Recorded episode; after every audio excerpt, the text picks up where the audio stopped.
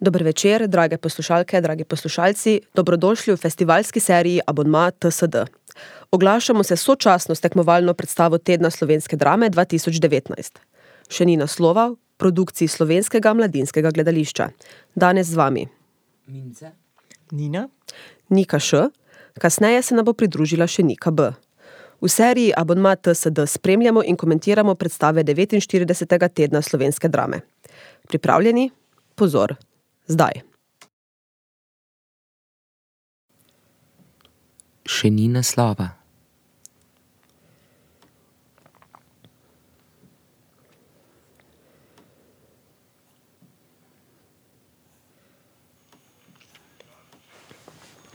Torej, nahajamo se v, um, predstava se dogaja v spodnji dvorani uh, mladinskega gledališča, oziroma vsaj tam se začne. Uh, režiser uprizoritve Tomi Janežič uh, se pogovarja s publiko, jim daje navodila in priporočila za spremljanje predstave.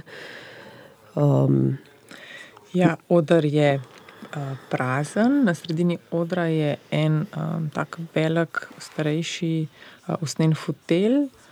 Um, na levi strani so bele, bele črte, uh, v bistvu so to. Um, riše se zebra, eden od igralcev zadaj riše zebro. Prehod za pešce je zebra, ne žival. Ja, prehod za pešce, prehod za pešce. In na tem prehodu za pešce in levo od tega fotelja stoji režiser in nagovarja publiko. Pravi, da naj se publika udobno namesti, če kdo hoče zaspati, da lahko.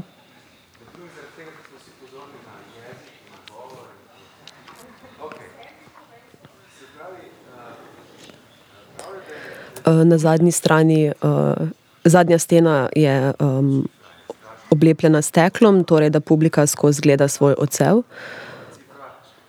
Se pravi, z ogledalom. ne. Tako, da v bistvu hvala. Na, na koncu na konc, na konc odra je, je ogledalo, tako da v bistvu vidimo kako sebe, sami sebe. Publika sedi na, skratka, ni sedežev, klasičnih sedežev, ampak je tribuna in na njej um, raznobarvne te, um, te vreče za sedeti, tako da lahko publika udobno sedi, se zlekne. Število gledalcev je tudi vedno omejeno. Tako. Edini igralec, ki ga trenutno vidimo na odru, je Stane Tomazin, ki barva še zadnjo črto prehoda za pešce. Oblečen je v rjav pajac in ima lasuljo in brado. Ja, in režiser Tom Janežič je rekel, da so se veliko ukvarjali pač s številkami, ker Don Juan ima veliko uh, veze s številkami, se pravi, številkami, koliko jih kdo je. In zdaj so že prišli na oder igravci uh, te prizoritve in so se postavili v ravno vrsto pred publiko, vsi držijo roke nekako na, uh, nad srcem, si pokrivajo številke in zdaj stajo nekateri roke dol in vidimo, da imajo nalepke s številkami. Malo je to delač, tako da jaz ne vidim čist dobro vseh številk, da Ampak nekatere so očitno pretirane, vmes je bilo govora o tromestnih. Um, In tudi publika je bila pozvana prej, da lahko tudi publika razmisli o tem v svojih številkah in lahko jih zapiše na listek, da bo kasneje neko žrebanje tudi. uh -huh. Um, in tudi zdaj nagovarja, mogoče si nekateri želijo, da bi bila ta številka večja, manjša. Igravci pa so, koliko jih je, ena, dva, tri, štiri, pet, šest, sedem, osem, devet, deset, dvanajst. Dvanajst igralcev stoji. In režiser, ki očitno tudi uh, nastopi, oziroma je aktiven del predstave, torej Tako, isto velja, srečne trinajstice. tako, tako. Isto velja tudi za oba asistenta uh, režije, Mirjano Medojevič in Daniela Deja Škufco, um, ki sta tudi um, aktiven del predstave na vsaki uprizoritvi. In igravci so oblečeni v različne kostume, vidimo um, nekaj. Aha, in zdaj je prišel na oder Stane s televizijo, uh, na kateri je pisal, in to je tudi režiser prebral, da so vse zgodbe teh igralcev resnične in da naj publika ne sprašuje igralcev, če so zgodbe resnične ali ne, ker pač. Tako in tudi od koga so, ker uh, zgodbe so sicer resnične, ampak ni nujno, da bo vsak igralec pripovedoval svojo zgodbo, tako da tudi tega naj ne sprašujemo. Ja, od skratka, koga je kaj. Ne preveč sprašvati. Tako. No, in sedaj je spregovoril Matej Recer, um, ki začenja predstavo s svojim prizorom. Govori o začetkih svoje spolne zrelosti. Očitno ima tudi on lasuljo, oblečen je v siv puli in črne hlače. Medtem ko ima recer monolog, se zadaj stane Tomazin vrne na svoje mesto. Ja, zadaj nekako tako, ne, par metrov nadaljuje in še zmeraj riše to, ta prehod za pešce. Ne, se pravi, ima, vidimo, da ima dva, dve palci dolgi, ki jo predstavlja, ima vedro z belo barvo in uživo pred nami riše ta prehod za pešce. Očitno je nekaj na tem prehodu. Ostali igralci pa so se posedli med publiko um, na te uh, vreče in spremljajo dogajanje. Ja, Matej Recer pa govori svojo zgodbo iz nekje, ki je bil še kako, nekje 90 let star in kako so skupaj s fanti iz, iz bloka, v njihovih začetkih masturbacije, uh -huh. ko so jih. Slišimo nežno, nežno glasbo v ozadju, tudi luč, mislim, da se je mal spremenila. Mogoče ne vem. Mogoče, ja, mogoče mečkan. Ja. Nekako, da bi se fokus mal vse skoncentriral na, na igralce.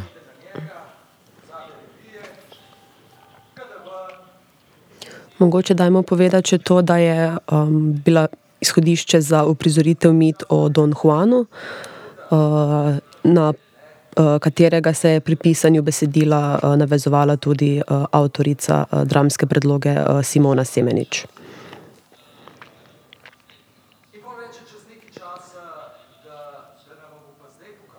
Ja, Matej Recer še vedno razlaga zgodbo, se pravi, kako ga je starejši kolega njega in njegovega prijatelja um, učil seksati. Ja.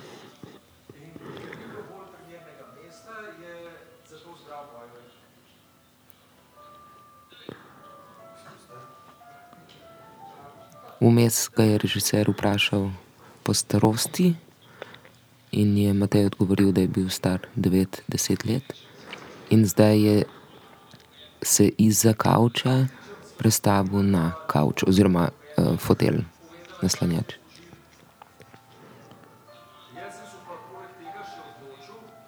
Celotna postavitev uh, s foteljem in režiserjem, ki, prašuje, ki sprašuje vprašanja med uh, prizorom, um, spominja na um, terapevtsko seanso, kar sicer ni presenetljivo, glede na to, da se režiser veliko ukvarja z psiho in sociodramo. Ja, režiser ima pred sabo um, računalnik, ki ga nekako spremlja med predstavo. Mogoče ima tam zapisan tekst, zapiske, uh, mislim, vice, da sledi, sledi besedilu. In sprašuje s pomočjo mikrofona, kljub temu, da smo zelo blizu, da je zelo intimno vzdušje. Ja, ja. Ja, zanimivo. Ja, nekako smo, v bistvu je publika je nekje uh, okrog 150-60 uh -huh. ljudi, um, sedimo ne, kako blizu skupaj. Ja. Ampak ne, zanimivo je, zakaj na, na mikrofon uh, neka določena, neka posebna pozornost. Sta, ne, Stane Tomazini vmes šel po kozarec vode, ki ga je prinesel Mateju, in se vrnil nazaj na svoje mesto. In riše novo, novo črto, to je zdaj že ne vem, če preštejem. Ena, dva, tri, štiri, pet, šest, sedma, sedma črta za prehod, prehod za pešce. In Matej Recer nadaljuje zgodbo v svoji, kako če je to prav, neka prva zaljubljenost, neka najstniška uh, ljubezen in v bistvu tegobah um, srečne zaljubljenosti.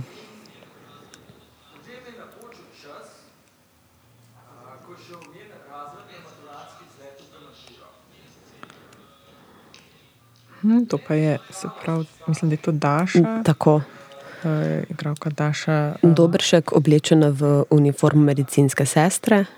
Ja, je šla mečkan prej z odra, skozi publiko, in zdaj se je vrnila in šla čez cel odr. Isto, kak, če se je odr se sprehodila, ne vem, mogoče šla nekaj iskat, zdi se, da nekaj išče.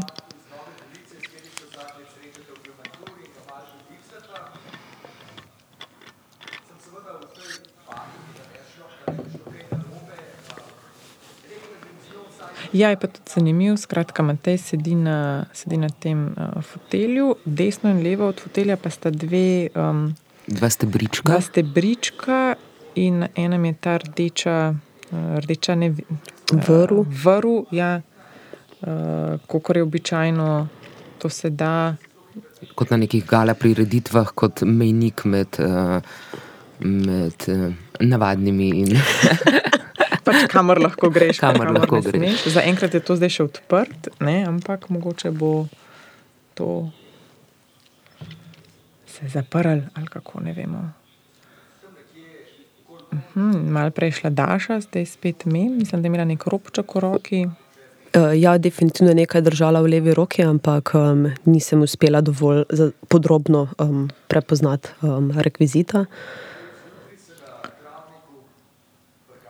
Drugače pa je nekako vzdušje zelo ležerno, sproščeno, tudi ostali igravci, ki Mateja spremljajo, so nekako na povzleknjeni, sedijo, nekako občutek neke fine, sproščene energije. Ja, in tudi ne, stane nekako z nekim posebnim mirom in pozornostjo, um, barva, barva tla. Medtem pa Matej Recer razlaga, kako je bilo, ko je šel z um, takratno punco na njen maturantski izlet in se po noči vozijo po cesti in naletijo na prometno nesrečo, v kateri je bil udeležen avto z goriško registracijo z moškim in mladim dekletom.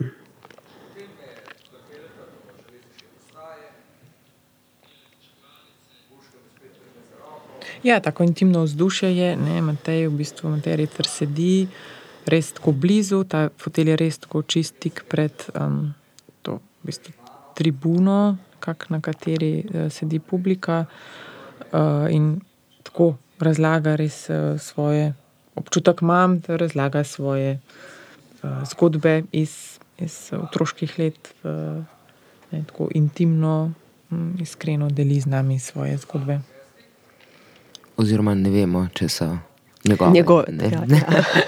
ne vemo, ne, ne, ne smemo vprašati. Ne smemo pa vprašati.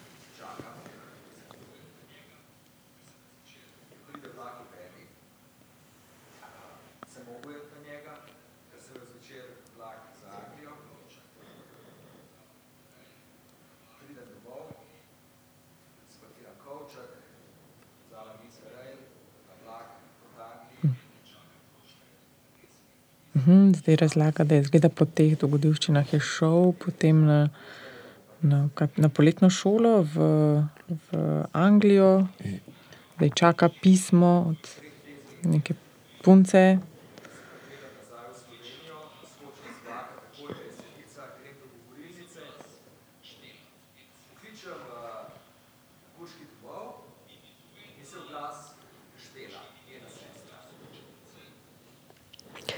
Od punce um, je čakal, pismo od punce čaka kar nekaj časa, več tednov, in potem, ko več ni um, mogel sam čakati, je poklical k njej domov, ker mu je um, sestra povedala, da tudi ni videla um, njegove punce, torej svoje sestre, že od začetka počitnic. In to je mogoče, ne prej si ti imel neko nesrečo, ne govoril o neki uh -huh. nesreči, mogoče je to ta avto.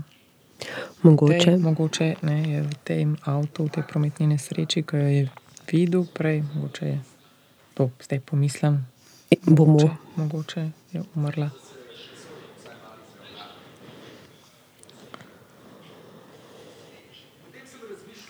Aha, in zdaj prav, da razmišlja, če bi zdaj mogel kaj,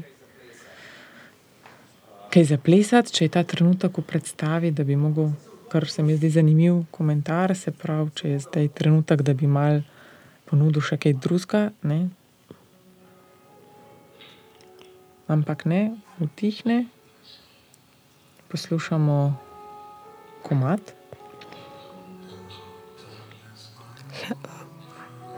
Priredba, to ni original. The Sound of znak. Silence. Tako. Ja. Uh-huh. Je pa, rav, je pa zanimivo, da je ravno rekel, pač, eh, da je prišel do trenutka, ko se je vprašal, če bi mogoče zaplesal, ker nekako se mi zadnje čase zdi, da po nekem navalu eh, tega zelo um, eksplicitnega gledališča, ali kako bi to človek poimenoval, da je nekako čutim tudi v publiki, da ljudem pa še se malo vrniti nazaj na besedo. Meni je bilo uh -huh. to zelo zanimivo, kako on brez česar koli samo pač pripovedoval zgodbo. In nekako v ta ritem, ko padeš v to navadnost tega, nekako ti dovoli, da si sam izrišeš, kot da bi mogoče ne vem, roman bral, recimo, in uh -huh. se ti tvoje lastno življenje zraven. Um, Pojavi pa asociativni svet se v resnici zelo poveča, oziroma razširi. V mestnem času je uh, eden iz igralcev, um, Boris Kos, prišel do Mateja Recarja, mu dal v roko um, bejzbolski ki, sedaj si uh, povija roko. Uh-huh.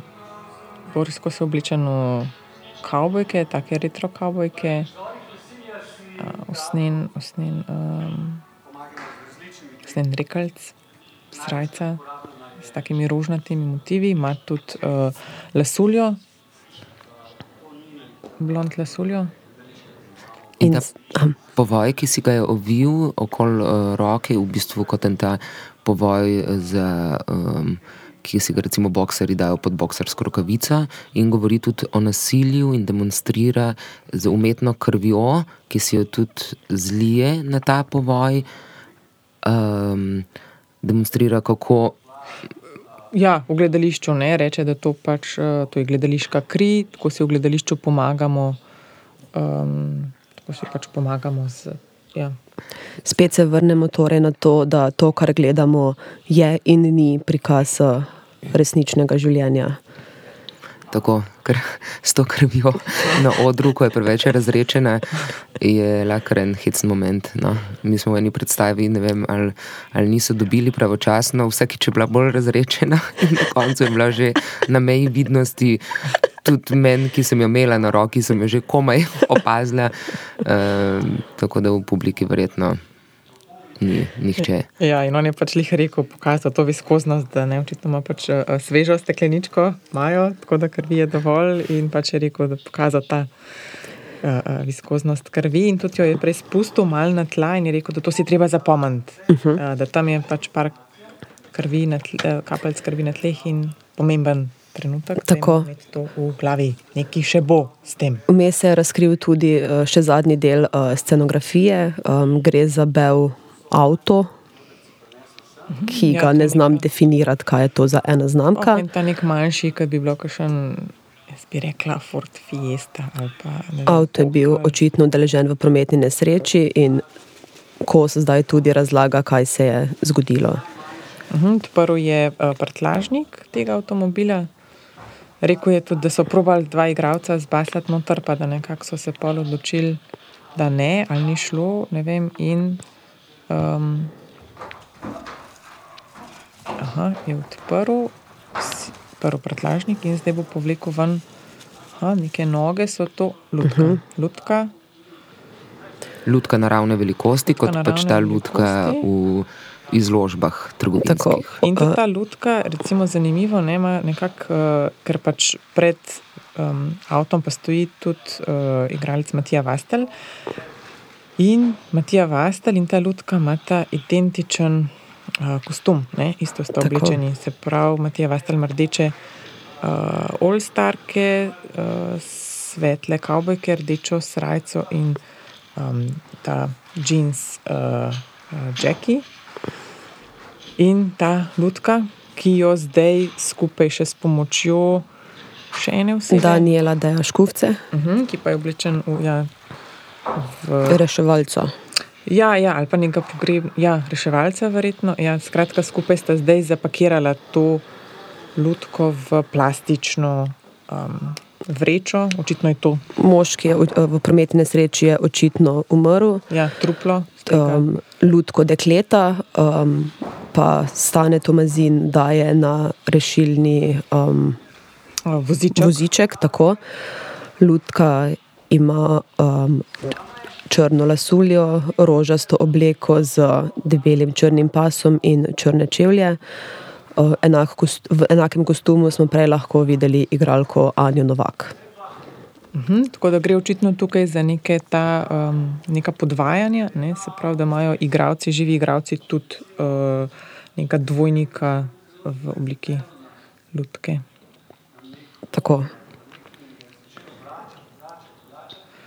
Lutko so položili na um, ta reševalni voziček. Tako reševalni voziček, torej leži, medtem ko pa drugo lutko, moško lutko, uh, zavito v polivinil, so pa položili na tla. Sedaj Boris Kos razlaga o poteku prometne nesreče, um, kam sta odleteli telesi moškega in mladega dekleta, s katerim delom telesa sta pristali, kje kdo je odletel skozi šipo, kakšne so bile poškodbe. Ja, in medtem ko to Boris Kos razlaga, Materica še vedno sedi na fotelju pred tem vozičkom, v roki ima še vedno bezpolsko palco. Ha, zdaj je. Uh, Za boljši prikaz poškodb sedaj Boris Kos to gledališko kri maže po lutki. Uh -huh. Aha, tudi pri meni, uh, ko so roke, mislim, roko in pokaže, da je roka izpahnjena. Pač.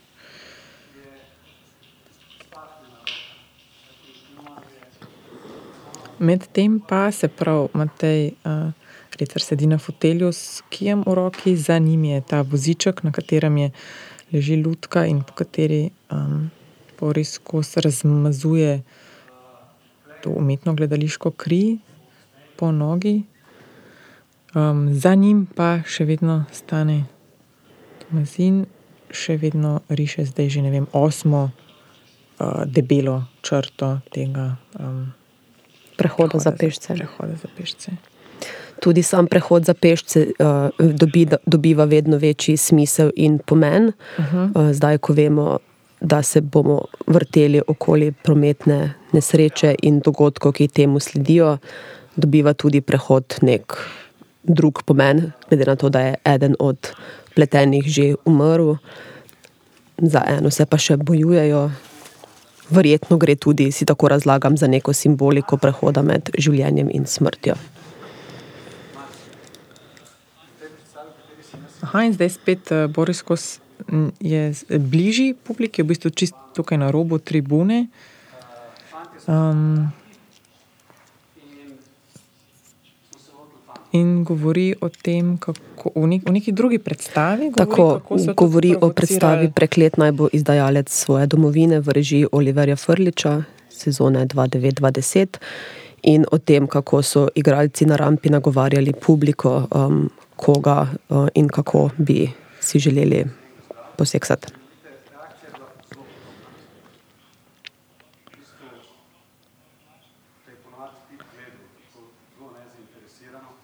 Ja, govori o tem, kako ne, on, igravci tudi marsikaj ne mečejo v, v publiko, in v tem primeru je pač rekel, da mečejo um, besede. Ne. Meni se zdi kar zanimivo, ne, ker pač na omen, na omen uh, z, z besedami se ne referira uh -huh. na predstavo, ampak pač uh, mi, ki to bi bil dosti močen um, prizor v predstavi. Jaz sem to videla že pred leti in takoj, takoj se mi je zdelo, da ja, ja, to pač je iz. Ja, ne pove imena predstave, ampak v bistvu pa um, predvsej dobesedno um, navaja, kaj on takrat v tisti predstavi izreče. Se mi zdi kar zanimivo. V, bistvu v eni predstavi uh, citiramo prizor iz ene druge predstave. Um, Ampak v obeh primerih gre za avtorske gledališče, dogaja ja. se v isti dvorani istega ja, ja teatra, ja, ja, tako ja. da v bistvu reproducira samega sebe. Ja, ja. Aha, in zdaj je stopil um, Boris Kos spet dol z tribune, malo dlje od publike, stoji zraven uh, fotelja, prižgal si je cigareto.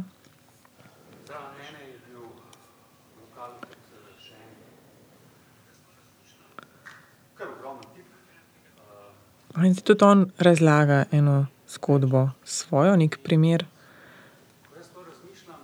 Je šel z eno punco v.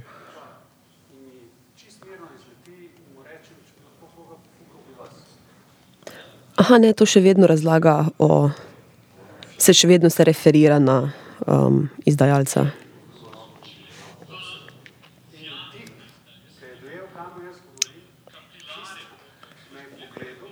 In sedaj opisuje Aha. reakcijo publike. Eh, oziroma... Ja, ja, ja, to je v bistvu uh, razlaga zgodbo, kako je šel potem tudi on v nek bar z neko punco. Um, kako je pač rekel tudi on potem. Uh, skratka, bil v baru s punco in je tam bil nek velik, mogočen tip, ki očitno je bil neki.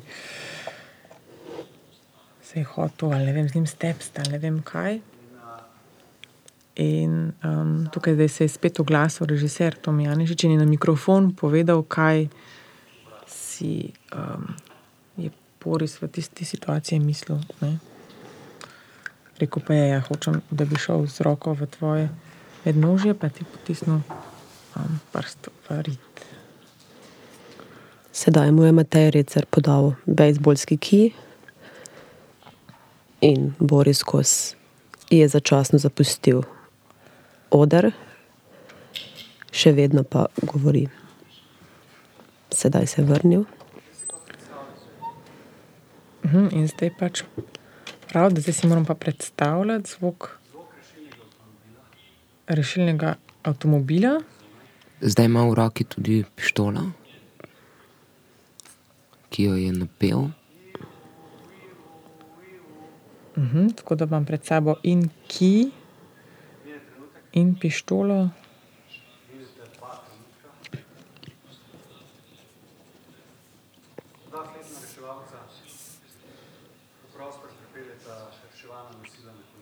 Ha, in zdaj je vzel Boris Kos iz žepa uh, tablico. Tablico to. Um, ja, tablico. iPad tablico. tablico ja, in z njej bere verjetno bere besedilo, uh -huh, saj uh -huh. opisuje, kako um, to dekle na reševalnem vozilu, kot smo jo prej opisali, vsake strani odra, um, do nje prihitita, um, prihiti medicinsko osebje. In slišimo Anjo Novak. Uh -huh. Spet se pojavi nežna glasba. Anja reče, to mlado dekle na nosilih, to sem jaz. Kar v bistvu, ne, kot smo že prej opazili, ima ta isti kostum kot Ludka. In to v bistvu smo vreten, če to prav razumemo, vstopili v, v besedilo Tako. Simone Semenič. Ne. Tako da to mislim, da je nek tak jasen znak, saj tako jaz to razumem, da to branje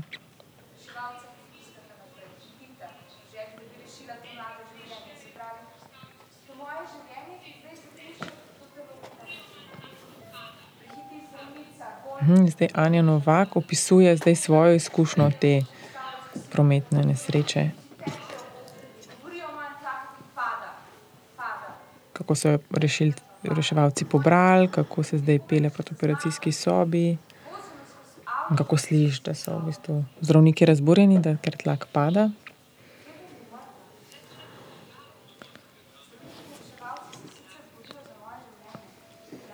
A, nekdo je pač rekel, da do konca te drame boš umrla.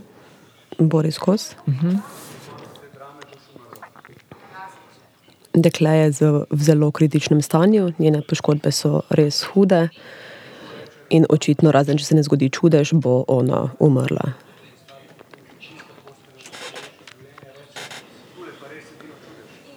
Aha, zdaj se spet oglas uh, režiser Tomi Janežič.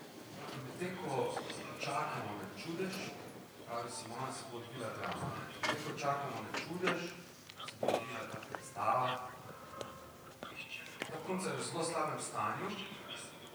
Ta punca je v bistvu v tako slabem stanju, uh, da. Aha, zdaj, režiser v bistvu nekako razlaga kontekst uh, tega prizora, povedal, da se je on sam pogovarjal z nekom, uh, ki dela na urgenci in kakšne, kako pač to zgleda. Ne?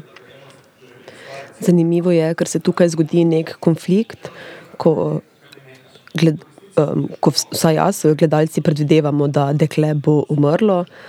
Um, to reče sicer tudi eden od igralcev, torej Boris, da do konca drame ona bo umrla.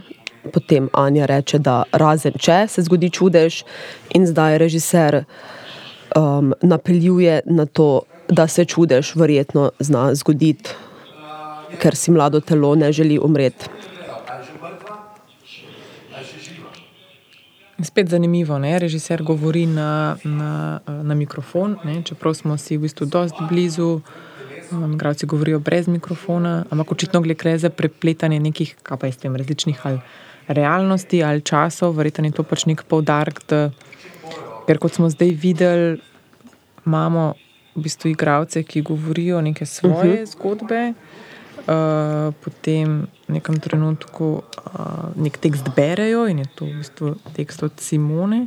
Zdaj, če se oglas, pa režiser, pa je to ne, na mikrofonu, kar pomeni, da nekako tri, tri plasti zaenkrat imamo, ki se prepletajo. Ne. Tako. Aha, zanimivo. Zdaj je pač rekel, ker si le govorila o čudežu, je rekel, da on je režiser predstave in da on ima vpliv zdaj na to, ali se pač lahko zgodi čudež ali ne. Taka kar zanimiva uh, pozicija, uh -huh. ne, seveda, ker ima to moč. Oglasi se Daša Dobršek v vlogi medicinske sestre, ki uh, ni najbolj optimistična glede izida um, uh, reševalne akcije te mladega dekleta.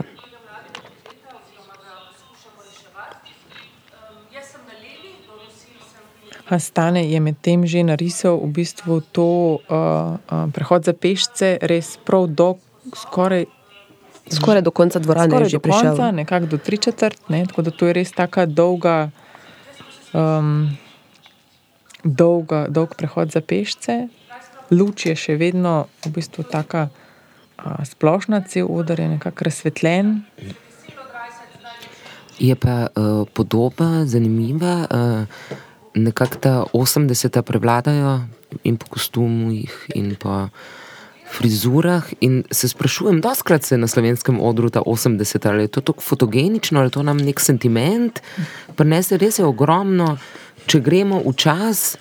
Če se kot nekam premaknemo, pa v bistvu ne vem, zdaj še ne vemo, če je sploh potreba tukaj v tej predstavi, po nekem časovnem premiku, se res večkrat ta 80-ta, se poslužimo 80-ih. Res je. Zanimivo.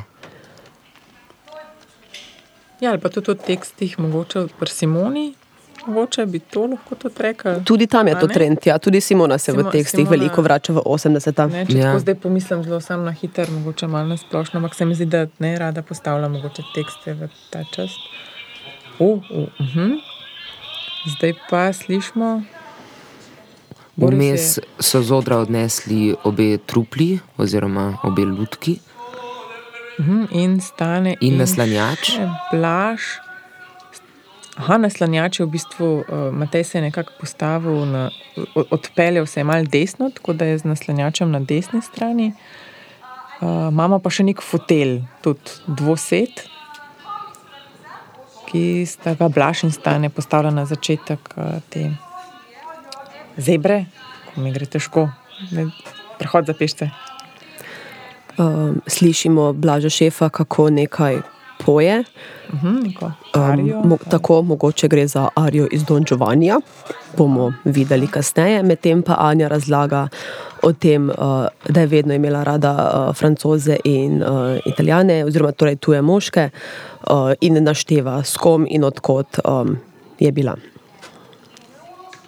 Aha, in slišimo pa tudi zvoni, zvoni telefon. Ne? Nek zvoni telefon, na katerega nekako noben ne reagira na ta zvonc da pač ga ni.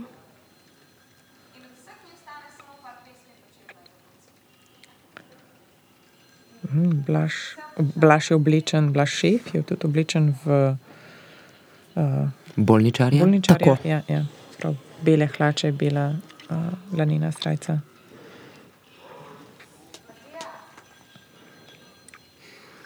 In stojite na prehodu za pešce, zraven tega usnega fotelja, stane še vedno uh, riše, um, prehod za pešce, telefon zvoni. In Blaž je zapustil prostor, gre na levo stran ven. Anja pa ostane na sredini odra in.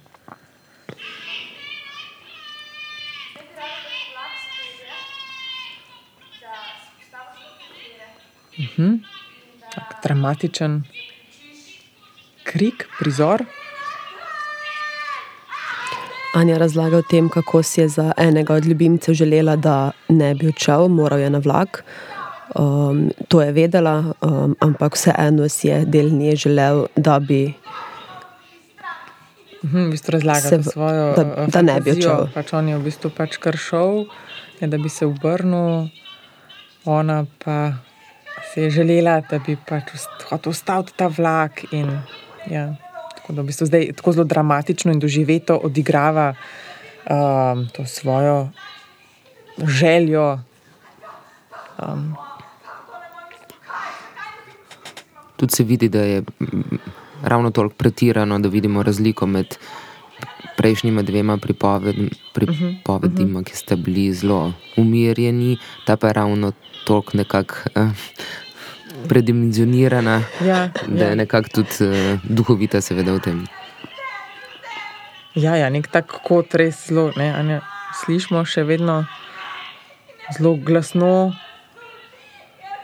in zelo ekspresivno, ne, tudi s telesom. Vidimo, dela velike geste z rokami, eh, z nogami, nekako celo to telo jo, jo premetava, um, če izraziti to svojo željo ali frustracijo. Ali, potrebo. In spet slišimo arijo blaža šefa. Ja, res prav taka, eh, tako profesionalno. Ja. Sliš, za, moja, za moja všesa to pač je res tako zelo. Um... Blaž šef je izjemen pevec in govorec in tako. njega poslušati na uh, vseh nokturnih uh, in radijskih igrah je krasno. Mi smo zdaj stopata v duet, ne, tudi Anja začela peti, to zdaj slišimo Anjo. Uhum. To je nek tak oper, operni vložek, operni duet, tako prav. Poje bila šef in Anja, Anja Novak. Tudi gibalni vložek, ne samo operni. Ja, zelo ekspresiven, tudi Anja tudi teče in Blaž teče za njo in se vrže na kolena, in ona tudi na tleh. In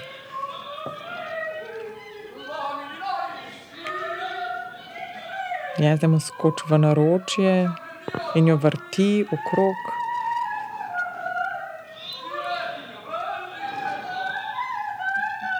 Ja, zanimivo je, ker spet en nov kot smo pač vstopili, v bistvu tak operni, operni duet. Med Anjo oblečeno v to rožasto oblekco in plažam, ki je oblečeno bolničarja. Ajno, glasu se je tudi. Spet režiser. slišimo tako režiserja. In še vedno slišimo zvok telefona.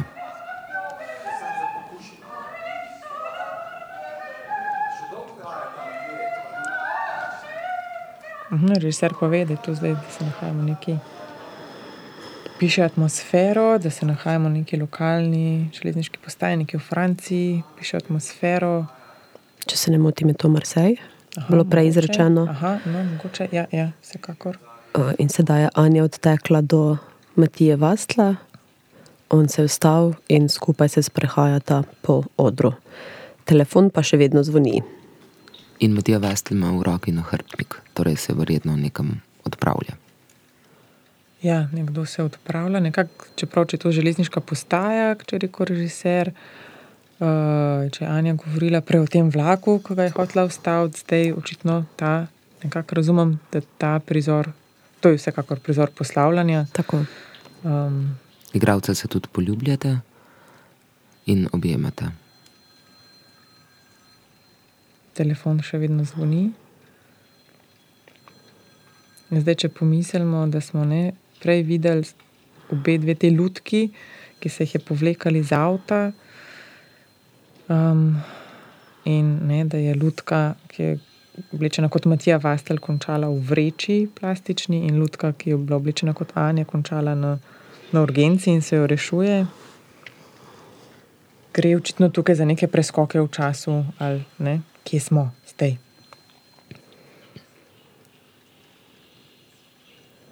Matija Vastel gre, Anja ostane. In Anja razlaga o tem, da je bil in prejšnji večer, in uh, zelo obetaven, in da zato noče umreti, ker je končno kazalo na nek. Ja, govori o tem, da noče, da noče umreti. Sta v nekem dialogu ne, z režiserjem, on jo tudi dopolnjuje, da je pač sedela v garsonjeri. Zavita v dekco, kadila, kljub temu, da načeloma ne kadi. Mm.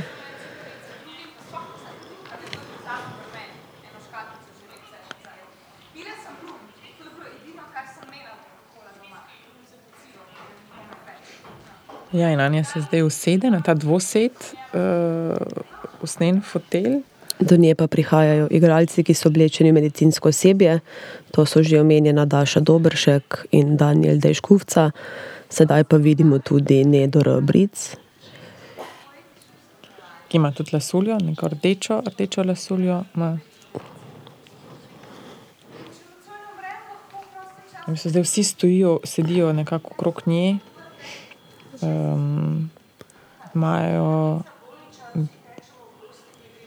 nekako v roki te elemente, ali za uživljanje, ali za Infuzija, fuzijo. Mm.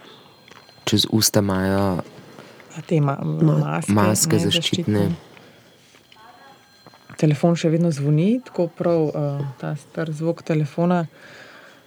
To je mogoče občutek, nekega, z- ali smo, da smo zataknjeni v času, ali ne. Tukaj meni to, ker očitno noben na to ne reagira, mogoče to deluje, da hoče biti to neka surrealna situacija. Um, Ali pa mogoče samo um, znak, um, en izmed bolj pogostih znakov za neko tragičen dogodek, aha, telefon, aha. ki zvoni in se nihče ne oglasi. Mm. Možnost je v glavnem veliko za interpretacijo. ja, neke asociacije so. Ja, ja.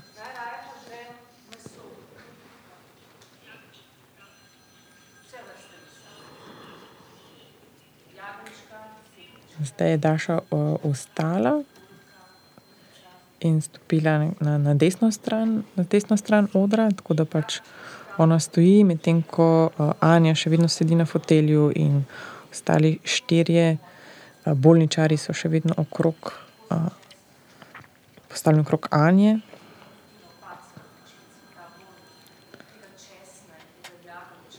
Spet slišimo nek klavir.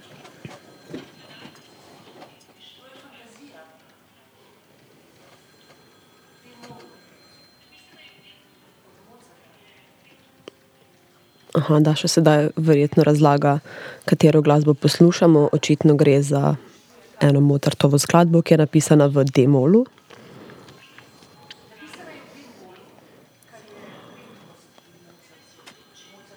Prej omenila tudi, zdaj, da, da gre peč pečenko ali nekaj pečenke in kako zabada um, česen v, v to meso. Ampak mi je to zazvenel, pač ta neka meso, zabadanje. Ne? Um, Medtem na levi strani še vedno v slovmočnu bolnišni, bolnišnična scena, kjer oživljajo Anjo Novak. Ja, prav, uh, prav eden od teh zamaskiranih bolničarjev ima v roki to, um, kako se temu reče, defi, defi, Defibrilator. Tako, ja, in ga v bistvu na v slow motionu uh, na elektriji, in potem da na Anjo.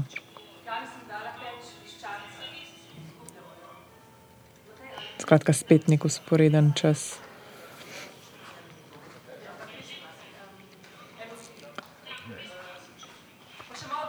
Aha, zdaj je nek dialog med Dašo in Matejem. Daša tudi reče Mateju, Matej, če lahko preveri, kako je zdaj s to pečenko, Matej gre. Dobil je navodila, da če bo že pečeno, naj ugasne pečico.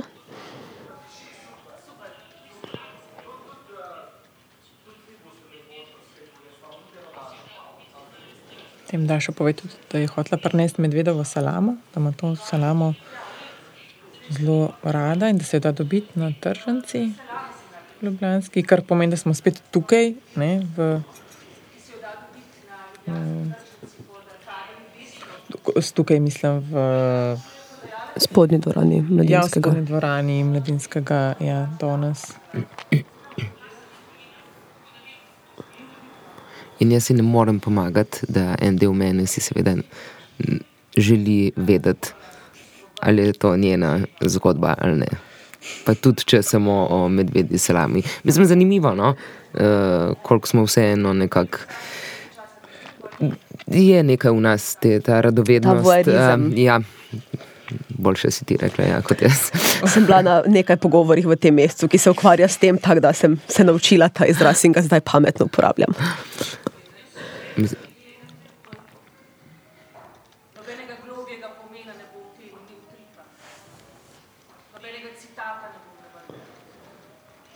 Ja, mislim, čeprav je zanimivo, da se to tako.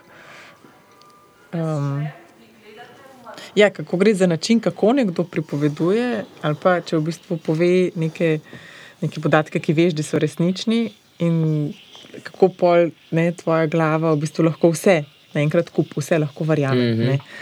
um, tako da meni se zdi to, to vprašanje zdaj detek, detektirati, kaj je zdaj zares, pa kaj ni. Ja, oziroma, bolj od koga je. ali od ne? koga. Ja. Zdaj so dvosed odnesli ven. Uh, Aha, in Boris Kos čez cel prostor v recimo višini človeka Ja, nekje dva, Ja. dva metra. ali nekako. več. Ja, dva. uh, čez cel prostor v globino odra, torej do gledala v ozadju, pelje to policijsko, policijski trak, rdeče bel Ja, ta rdeče bil uh, trak. Ja. in ga namontira na koncu.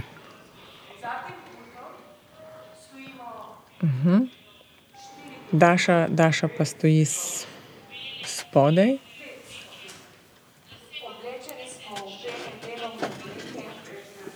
Aha, in zdaj se oglasta.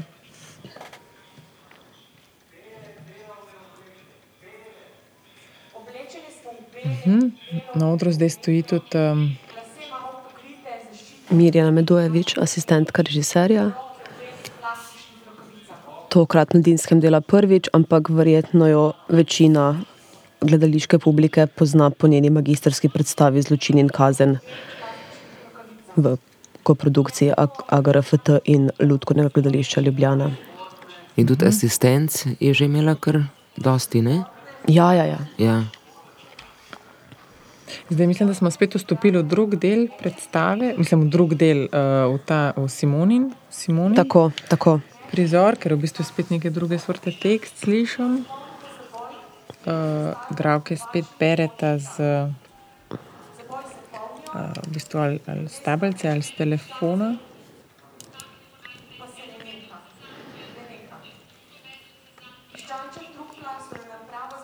In smo v.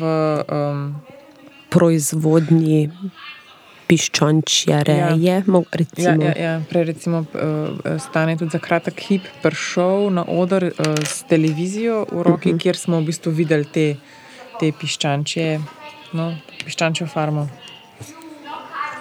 Zanimivo je, da tudi asistentka govori na mikrofon. Uh -huh.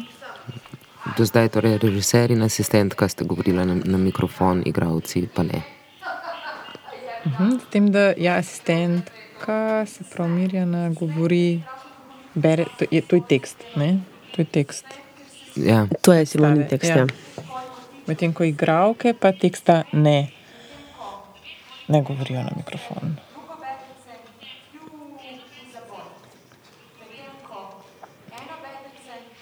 Mhm, Zdaj Daša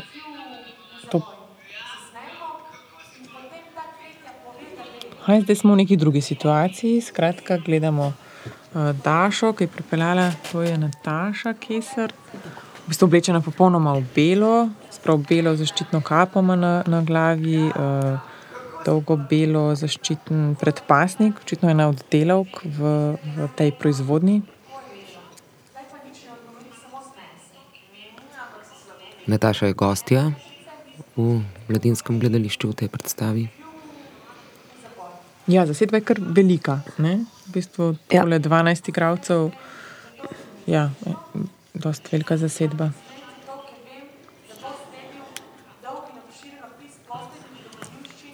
V predstavi bi sicer eh, v začetku dela predstave um, bil del zasedbe tudi Uroš Kaurin, potem pa je, ko je dal odpoved, odstopil tudi iz vseh nastajajočih projektov. So pa, če se ne motim, ohranili nekaj njegovih uh, prizorov. Koliko časa so pa delali predstavo? Leto in pol, mislim, da so začeli z uvodno vajo tik pred koncem sezone 2016-2017, premjera pa je bila prva v sezoni 2018-2019.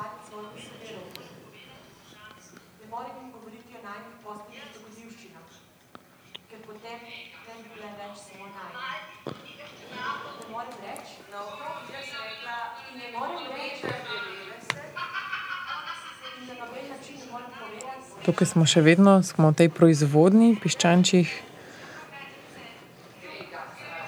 piščančjega mesa, piščancov. Poslušamo pa zgodbo, spravna ta klik, o katerem govori Nataša, je zaljubljen, kako razmišlja, ali bi zdaj to povedala sodelavkam ali ne. Sedaj pa je na oder prišla Draga Potočnjak, oblečena v podobno, podoben kostum, kot ga je imela Nataša, torej cela je v belo, ima bel predpasnik. Verjetno je to njena sodelavka v proizvodnji.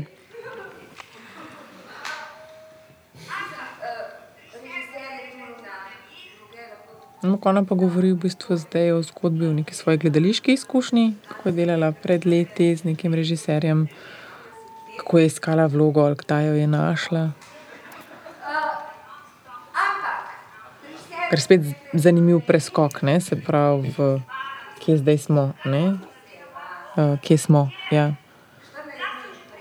Oblečena v kostum te sodelavke iz proizvodne, govori pa svojo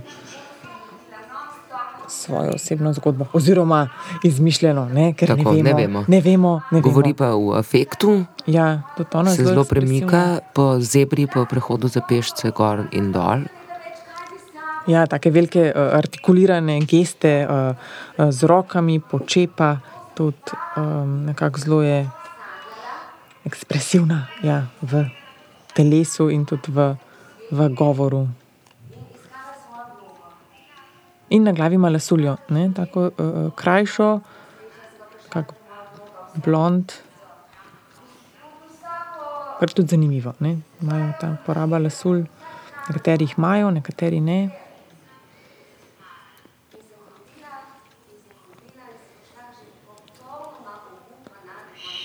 Aha, in ta zebra, se pravi ta prehod za pešce, pa očitno je že zdaj do konca narisan, ker stane tudi že pred časom zaključil.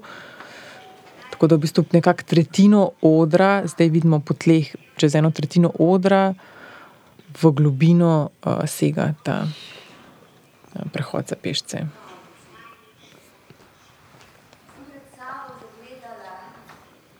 Aha, režiser je zdaj vstal, šel nekoga iskat. Šel je po oblikovalca zvoka, Silva Zupančiča. Mhm, ki se je nekako zdaj usedel na, ta, na to tribuno.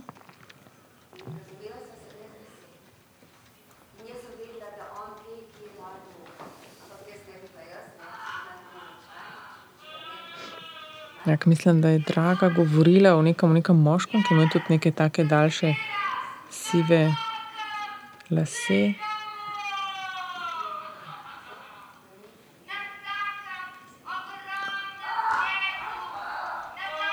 Aha. Zdaj tudi Draga zelo ekspresivno, zelo glasno, zdaj je v bistvu naredila zanimivo potezo. To, ta trak policijski, ki je napet, ne, visoko v zraku, ga je potegnila v bistvu uh, dol, tako da ga je nekako zajahala ta trak, zdaj ima ta trak med njenimi med obema nogama, kot da sedi ne, zdaj na tem traku. In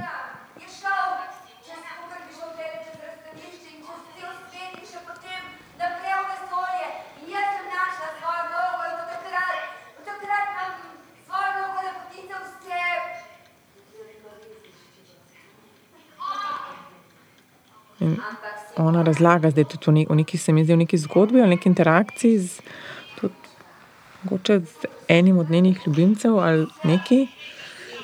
To nekako. Tako da ta, to, kar ima zdaj med nogami, je ne, tudi. Srebrna paličica, deblo. Ja, neke različne asociacije. Tako. Na. Ampak to je zdaj že tretji prizor, uh, ki je povezan z izk s, uh, spolnostjo in igralčevim izkustvom.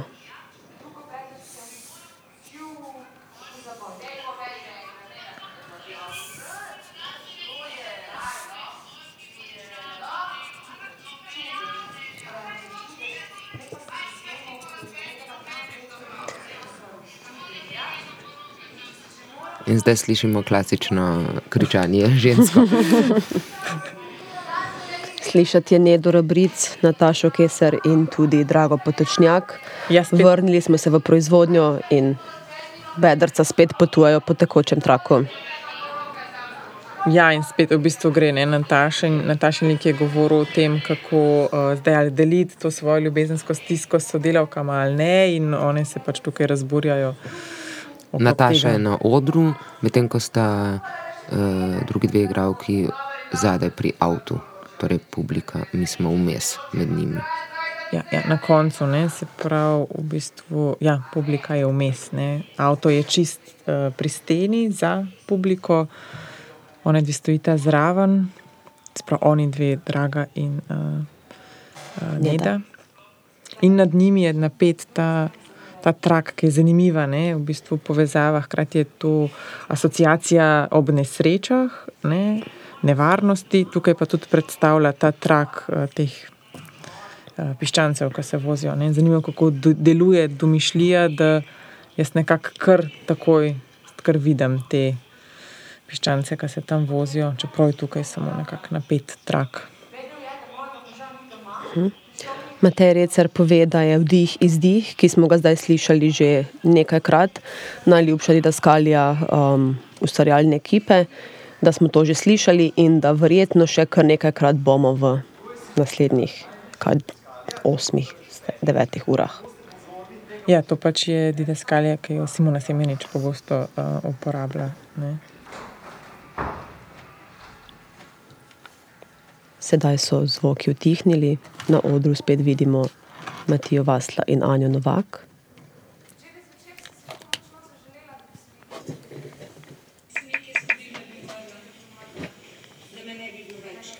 Pogovarjata se o smrti. Anja pravi, da si želi, da bi umrla, če je že on umrl. Ja, spet smo se vrnili v bistvu uh, v to situacijo, spet časovni preskok. Ne? Anja, oblečena v to rožnato obleko, uh, in Matija, oblečen v, v džins. Spet sta imela nek dialog, to je isti ta par, ki smo jo videli že Na na železniški postaji, tisti par, ki je očitno umrl v prometni nesreči, oziroma ne vemo. In ona, za razliko od prej, nam pove, da zdaj želi umreti. Tako.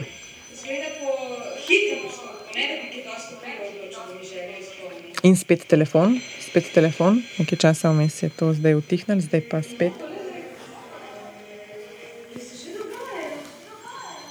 In slišimo še eh, v bistvu sakralno, sakralno glasbo. Glasbo.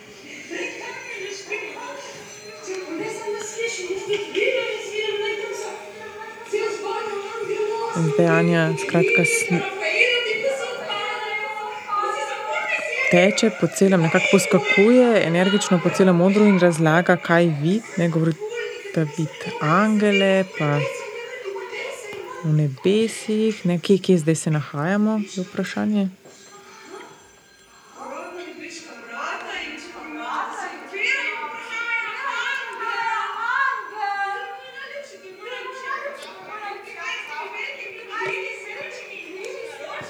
Pisuje pač, kaj vidi.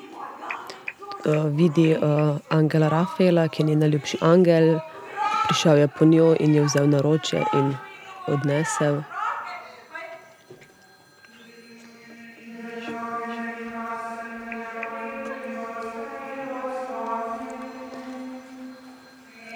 Še vedno pa poslušamo sakralno glasbo. A je še vedno sa, sama stoji na odru, zdaj pa. Blaž, šef, oblečen v nič, razen angelska krila, v naročju prinaša Matijo Vastla, oblečenega v beli kopalni plašč.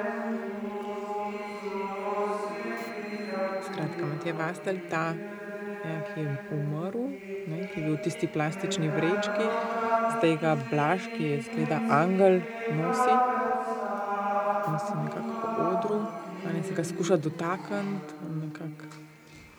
Anja, ki pa je še vedno v svojih oblačilih, pa si želi z njim Torej vzpostaviti kontakt. Tako. Ja, ker ravno očitno je že mrtev, ne, ona pa je, ker vemo, da je v bistvu to ta ključen moment, ker ona verjetno še vedno pač leži v operacijski sobi. Sedaj so na oder prišli tudi ostali igralci, ne vsi, ampak večina. Ja, Tekajo po, ogru, po odru, veselijo se, stane spušča bele balone, neko veselo vzdušje se vzpostavi ob ponovnem srečanju. Hkrati pa ta glasba sakralna. Belih balonov in uh, nog plašev z velikimi uh, krili. In Dravci se nekako eh, skačejo, veselo se objemajo, nekateri imitirajo to, kot, kot da letijo. Um, Se poljubljajo med sabo, tudi režiserja. Aha, in režiser pa je zdaj uh, potegnil to rdečo črto, skratka to vrv rdečo, ker smo na začetku omenili. Uh, te dva stebrička ne, sta v bistvu na tem, tule med, nekako med odrom in med tribuno, v bistvu se je zdaj zaprl prehod. Vsi igravci so tudi zdaj izginili, tako da Anja je zdaj sama. Na odru še zmeraj zvoni, Kliče Rafaela in ima Rafaelo v roki kroglice, torej sledica. In zanimivo, ker je pač uh, zraven teh stebričkov še neka taka domofon. Tako. V bistvu, Rafaela v bistvu kliče po domofonu, ker nima vstopa v nebesa, ker je še živa. ker je še več. To je ta nek raztegnen trenutek, ne, v času. Anja sprašuje po svojem ljubimcu, a je pri Rafaelu ali kje bi lahko bil. Mhm, Zdaj je šla pogledat ne, zadaj. Um, skratka, Luka, uh, lut, Luka, Lutka, tega ljubimca, uh, je še zmeraj ne v vreči tam na odru, zadaj in ona v bistvu Anja gre zdaj do te, do te lutke, pa zdaj spet je pri demofonu. Rafael, ja, ja, ne, jaz ljubim in jaz bi rada, da bi on v nebesa. Aha, torej tudi za njenega ljubimca, oziroma za ljudko, ne vemo, ali je v nebesih ali ne. Uh, Anja pa želi storiti vse, da bi bil v nebesih. Zanimivo, ne? v bistvu, da se ona, ona zdaj se za njega bori, Tako, nebesa, tako. Ne? Zanimivo, kako pa. Uh -huh. Skratka, ne zase, ne, ampak za njega. Tako. To je ta vseobsegajoča ljubezen, ko tudi v posmrtnem življenju moškemu privoščiš več kot sebi. In pač na odru vidimo se prav na kolenih klečečo uh, Anjo, ki govori v domofon, tega uh, angela pa slišimo, v bistvu, kako se oglaša po domofonu. Skratka, niti nekako ne pride on osebno, ampak. In napeljavo. vmes je rekel Jezus Kristus, kot neko tam medklic Jezus Kristus.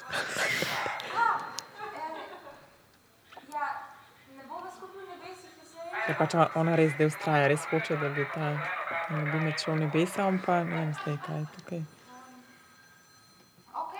Če prav razumem, ne moreta oba v nebesa, en lahko, drugi pa bo moral v pekel. Ja, Kako pa to? Očitno imajo kvote za izpolniti ali neke norme.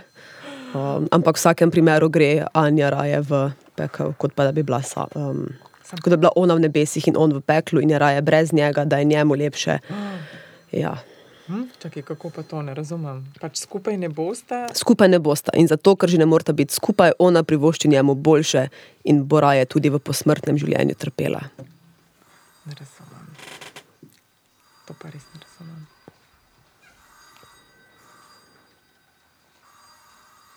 Aha, in zdaj je začel. Mhm, skratka, zdaj pa je prišel K temu Blaž, domofonu in k temu rdečemu traku. prinesel je s sabo tudi uh, telefon, ta star črn telefon. Uh, in zdaj ta drin, drin tudi vi, slišimo iz, um, prav vidimo, odkje prihaja. Zdaj Anja dviga na telefon. Tako da to je bil ta zvonc, očitno. Angel pa je stopil iz nebes skozi to rdečo, skozi ta, um, Rdečo vrv. Čez tako rdečo čez rdečo vrv, um, ki je zamevala prostora in se sedaj pridružil Ani. Oblečen je pa v bel kopalni plašč, spodaj je gol. In um, na kopalnem plašču pa ima tudi dve veliki, dva velika, um, dve veliki krili. Tako. Anja sedaj um, snela je lasuljo, sedaj je slekla tudi obleko. Um, Angelu Rafaelu je dala uh, Rafaelo, torej prvi del podkupnine. Ali, Aha, nekaj se dogaja, Angel, uh, se pravi, Blaž je tudi te dva količka zdaj dal na stran, tako da zdaj te nekako je odprl. tako prehod. pojavi se nov prehod v Anja je v spodnjem perilu, tudi modrc si slači, oba je jesta Rafaelo. Uh, rahlo je neprijetno, z roko si zakriva prsi. Zdaj je čisto gola, ja, uh, Angel, Rafael si v bistvu um, Mm, mm, daje slino na svoj, uh, na svoj ud, kako ga proba pripraviti, Aktivirati. aktivirati. Anja si je zdaj uh, razpela tudi lase. Z Angelom sta se dogovorila, oziroma ga je vprašala, kam se naj nastavi. On je tudi dal neko dekco, kle zdaj na, na te stopnice, na, na začetek tribune, kjer v bistvu uh, sedi publika. Anja je šla na, na vse štiri, In počasi sta začela z spolnim aktom. Angel od zadaj penetrira uh, v Anjo. in ko prodre, se začne dramatična um, glasba. Ja, res. Dramatična, uh, pompozna glasba.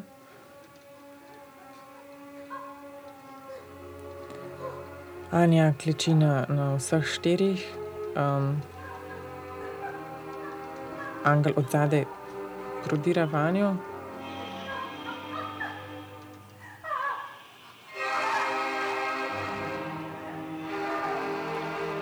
Anja zdaj kar nekako kriči, spušča zvoke, ke zdaj ne vem, če so to zvoki ugodja in užitka. To bi absolutno jaz prej bolj označila kot zvoke posilstva. Ja, joka.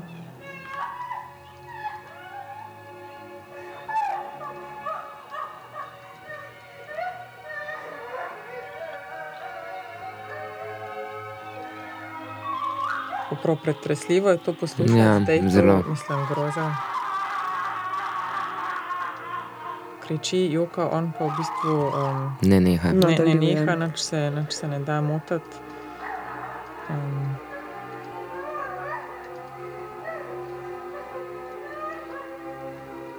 Zdaj jo prime še za lase in jo potegne nazaj, ji potegne glavo nazaj. Tako da v bistvu drži za dolge lase, dvignuje glavo, ker njo verjetno tudi še boli, tako da tudi njen obraz lahko vidimo. Ne, če je imela prej zakrit obraz, ker s svojimi dolgimi lasmi zdaj lahko gledamo direkt njen obraz. In medtem In tudi on gleda zdaj v publiko, preverja, če mi zdaj to vidimo.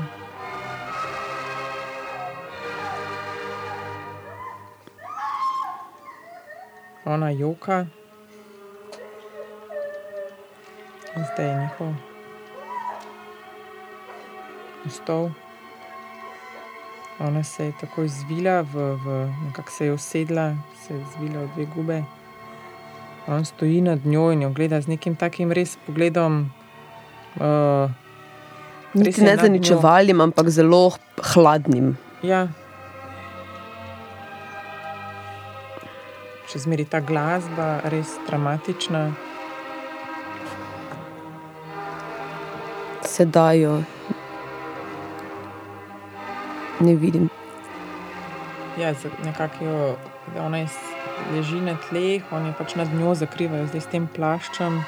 Ne vem, zdaj jo. Aha, Zdaj, da- sedaj, aha, zdaj pa jo davi. Ja. Zdaj jo pa dal. Ja. Skratka, stoji nad njo in jo davi, ona leži pod njim, gola in se upira. in se upira. Ne vem, kaj jo bo ubil ali kaj, ne razumem. Mogoče bo bil zato, da bo pos, mogoče potem postane grešnica, ker je spala in se prodala nad angelu in bo zato šla v pekel. Aj, ker hoče priti v pekel, ne, ker ali kaj ona je rekla, da gre. Ja, A, ali je- pa je angel samo izkoristil. V vsakem primeru pa me zanima, kaj ta akt oziroma Anina vloga v tem pomeni za življenje mladega dekleta, za katerega življenje se borijo. Ja, neka ta dvojna. Zdaj, jo, zdaj očitno jo je zadavil do smrti, ali saj to ne zavesti, zato ker pač zdaj nekako jo je prijel, deluje kot da je mrtva, ker pač uh, se ne odziva.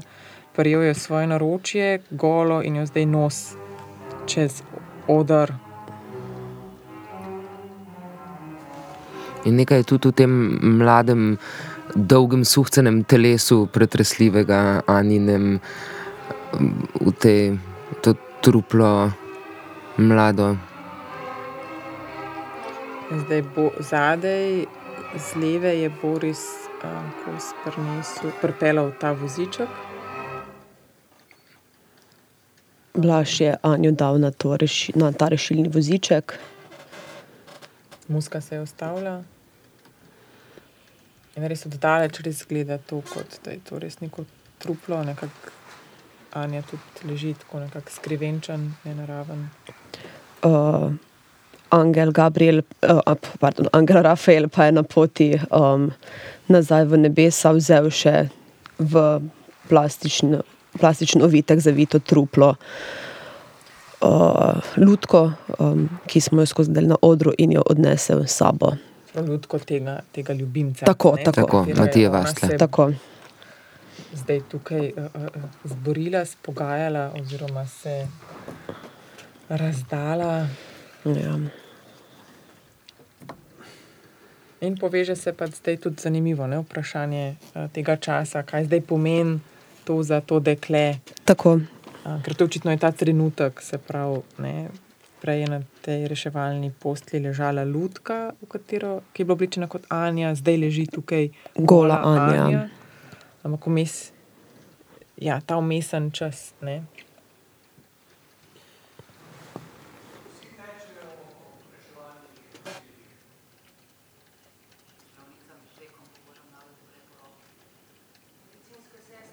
Skratka, nekaj časa je bila taka tišina, zdaj pa so se spet oglasile. Osebje zdravniško, oziroma reševalno osebje. In nas vrnilo Kako je spet v bilo? situacijo, ko pač tečejo ob, ob, ob reševalnem vozilu, mislim, vozičku. Tokrat vidimo Blažo šefa v vlogi medicinske sestre moškega spola. Sicer mislim, da je njihov uradni naziv medicinski tehnik. Tudi Ne. medicinski brat. Ja, ker kadarkoli sem Ja. jim jaz govorila medicinski brat, so bili zelo nejevoljni in so me skozi popravljali. Mhm. Ja, Ja, ja zanimivo. tudi mene je presenetilo, pa se nisem potem pustila motiti. Anja je ustala in hodi proti bolničarju, oziroma medicinskemu bratu, tehniku. Še zmeraj Še- je gola.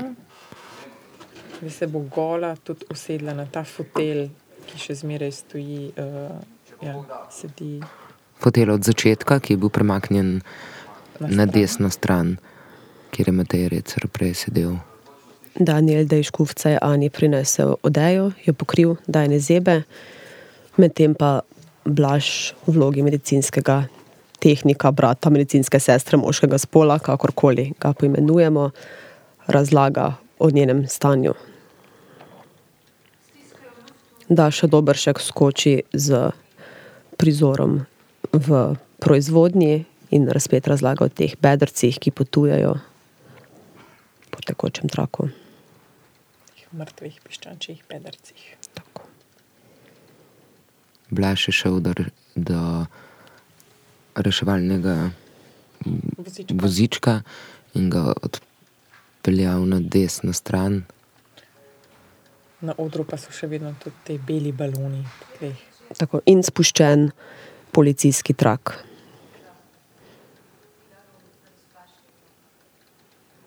Anja pa se je sedaj spet vrnila v prizor, ko razlaga, da sedi doma v garsonjeri, zavita v dekco in kadi cigaret za cigaretom. To je očitno eno življenjsko obdobje, v katerem ni bila preveč zadovoljna, saj razlaga, kako si želi, da bi umrla.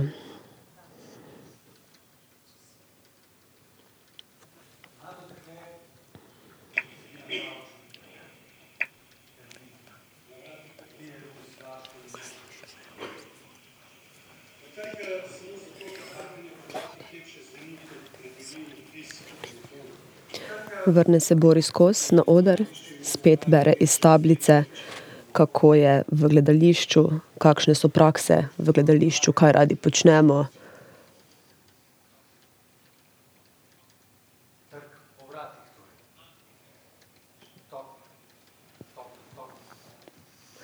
Iz konca spodnje dvorane proti, začet, proti publiki spet prihaja Matija Vastl. Sprehaja se počasi, ležerno, nikamor se mu ne mudi. in se postavi za fotelj, kjer sedi Anja Novak. Anja je gola, pokrita s to belo, belo vdejco. in se pogovarja z lastnico stanovanja, oziroma z nekom, ki trka na vrata, ona pa sumi, da je to lastnica. Ampak ni lastnica, nek moški glas. se zasliši. Tako, verjetno ta isti ljubimec Janes.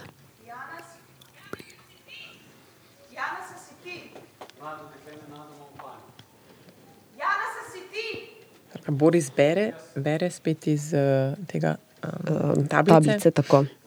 kar je znak, spet, da smo v, v prizoru. Aha, stane Tomazin pa je prišel za televizijo, na kateri piše pauza.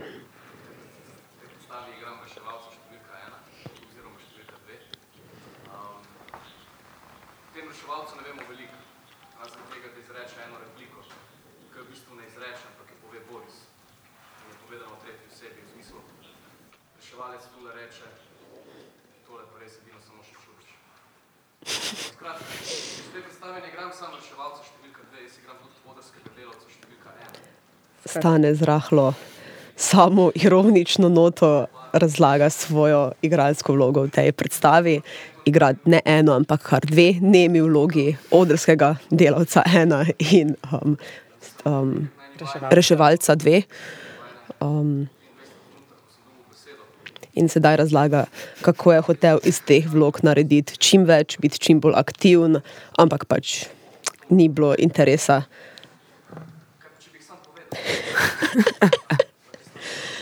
Da pač je bilo prav rečeno, ne, da je boljš, boljš, da je tiho.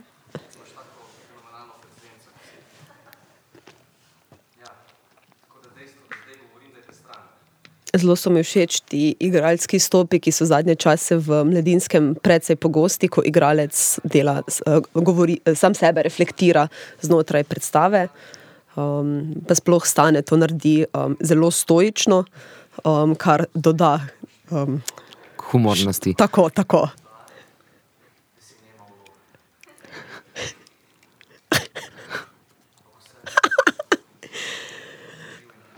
Zdaj govori, da je marsikaj ponujal kot možnost, da bi eh, te svoje neme vloge mal eh, jim dal glasu.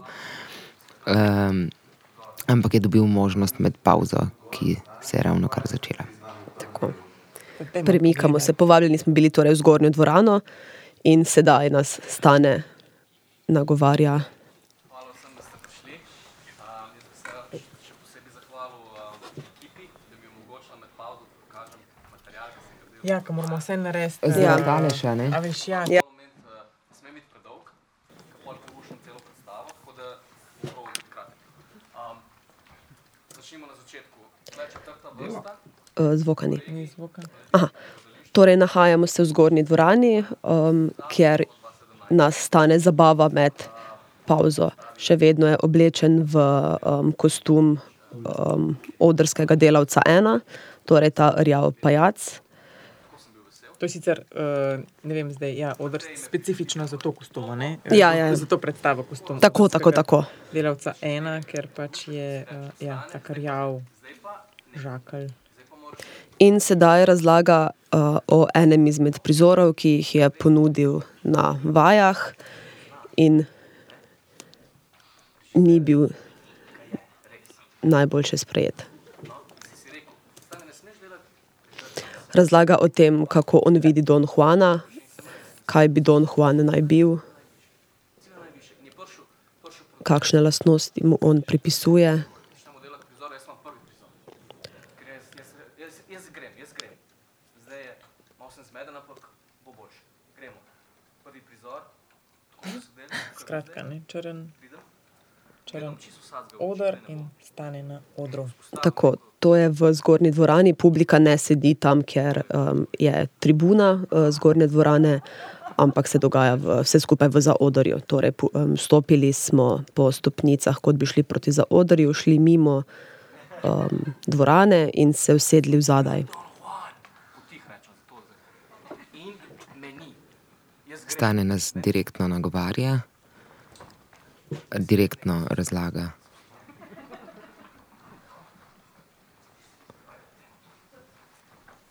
In sedaj je izginil, šel je za črno zaveso. Um, nekaj publike še prihaja in čakamo, da vidimo, kaj nam je pripravil Stane kot svoj prvi solo. Ja, to je bil vse nek tak uvod, ne? zdaj pač nam Tako. že spodaj je povedal, um, da nam nekaj ne, bo pripravil, zdaj je še enkrat povedal. Tako, in Skratka, sedaj. Veliko je, veliko je zdaj tega uh, bildanja, nekaj Tako, tako, tako. Kaj zdaj, To kaj je- zdaj bo? Tako, sicer se mi zdi to velik, uh, uh, kar močen del predstave, no to bildanje um, pričakovan.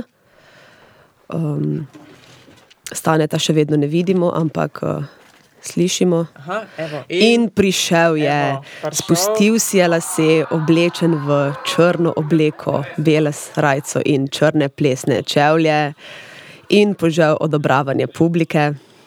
Tako res taka transformacija, ne se pravi. Tako. Res, uh... Zdaj je res Don Juan.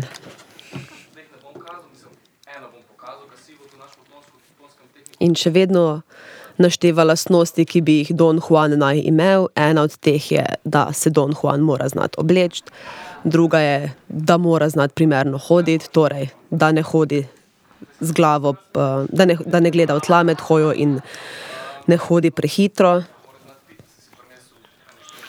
Stane konstantno um, komunicira s publiko. In kaj vse Don Juan mora znati? Torej, mora znati piti. Tako. In Mora znati kaj tako. Ampak ne česar koli, ne tobaka, ne drine sedem, uh, ali pa filtra 57, ampak cigarilo se, po možnosti s kakim dodatnim vonjem.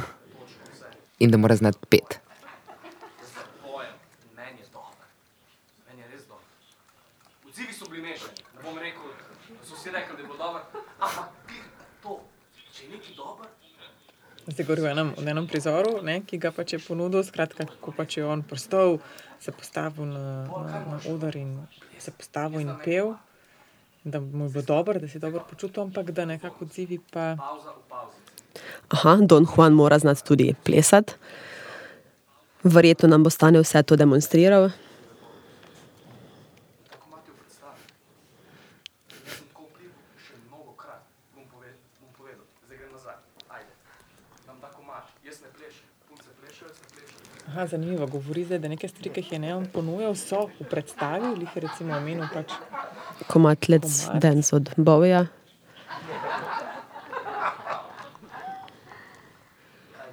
Aha, zdaj, zdaj stane, stoji na odru in, in pleše, ne, ampak tako zelo minimalno. Skratka, stoji in v bistvu minimalno je pač premikal, uh, je gibal pač uh, Mislim, da je strokovni izraz za to vrstni ples džuskanje.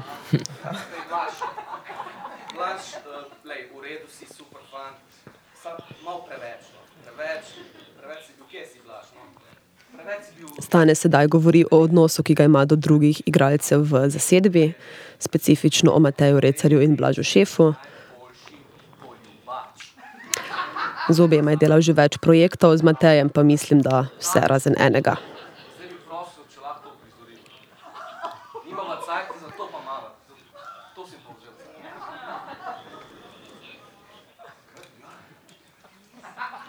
Zdaj nagovarja Mateja, če bi skupaj odigrala. In Matej se je odzval v bilo in prišel na oder. In sedaj se poljubljata. Kar publiko izjemno zabava.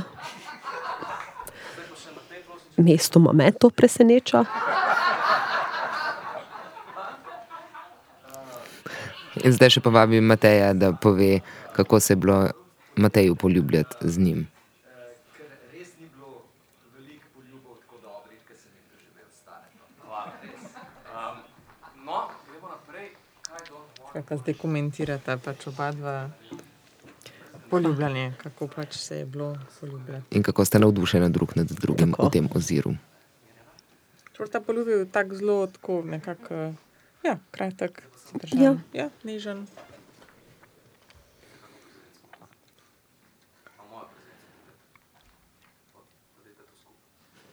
Sedaj je stane na oder povabil Mirjano Medojevič in govori o njeni prezenci.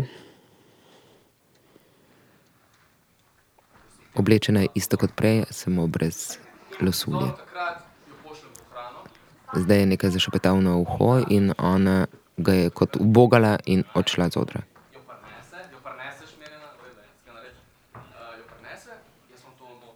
Aha, nekaj je poslal iskat in ona bo zdaj prišla nazaj. Kaj imam še vsega, ne? Sladice, vse to. Jaz to jem, jaz jem. Ona je tam. Ja, treba je povedati, da Stane v svojih prizorih zelo rad uporablja um, hrano kot rekvizit, ne samo v tej uh, predstavi, ampak um, ko Stane dela um, device theater, se rad posluži hrane. Tudi zdaj je potegnil iz zavese, nekako, oziroma izpred zavese, paradižnik, Z- ga drži v roki. Pač zanimivo, ne? tukaj v bistvu razlaga, nekako demonstrira prizore, ki pač jih je ponudil in jih zdaj na ta, v, tem, v tej pauzi nekako na nek način izvede, s tem, da v njih pripoveduje in s pomočjo Tako. igralcev tudi nekako, ki nekako, uh, služijo nekako kot te substituti, ne, da malo pomagajo, um, da si mi to lažje predstavljamo, kaj pač je on. Tako, in tudi pove, zakaj česa ne bo izvedel. Um,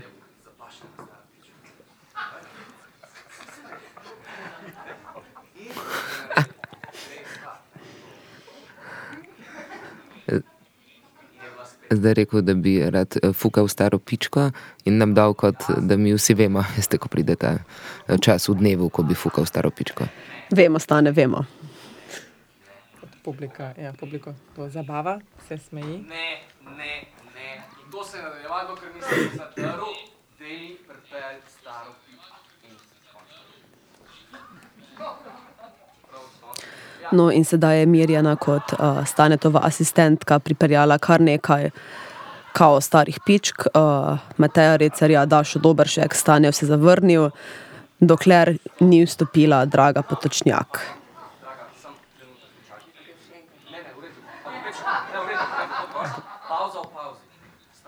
Draga, očitno ni pretirano navdušena nad to vlogo. Izr, izraz na obrazu ima tak res, uh, ne vem zdaj, ali je to zdaj prizadet ali samo z nekim uh, ne, neodobravanjem ali samo knusom ali Ima pa na sebi eno tako bordo rdečo Žametno? obleko. no. In zdaj odigravate kot prizor, kot ta stara, ki pride in ga zagrabi za mednožje. In poljubi. Potisne ob steno in strastno poljubi.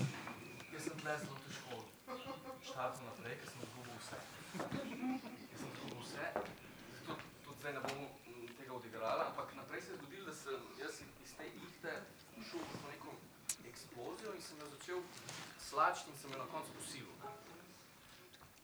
zdaj stane razlaga naprej, ne, kako ta prizor, eh, neka knjiga, to ga je to, ta poljub, ko sta to odigravala, je tako spodnesel, da sploh ni mogel naprej. In zdaj kako iz tega. Zdaj, zdaj pa razlaga, da je zmirjeno spet probal delati ten prizor. Dragica, ti si tam. Zdaj razlaga, da se prizor nadaljuje na sodišču. In stane je obtožen posilstva stare gospe. Stara gospa je očitno draga potočnjak, ki si je nadela sončna očala. Aha, omenja se še en od, um, v tem primeru že nekdanjih uh, asistentov uh, režije. Um, na začetku študija jih je bilo pet, poleg že omenjenih Mirene Medojevič in Daniela Deja Škufca so to bili še Maruša King, Tjašo Černigoj in Tin Grabnar, ki so zaradi drugih delovnih obveznosti vsi proces zapustili.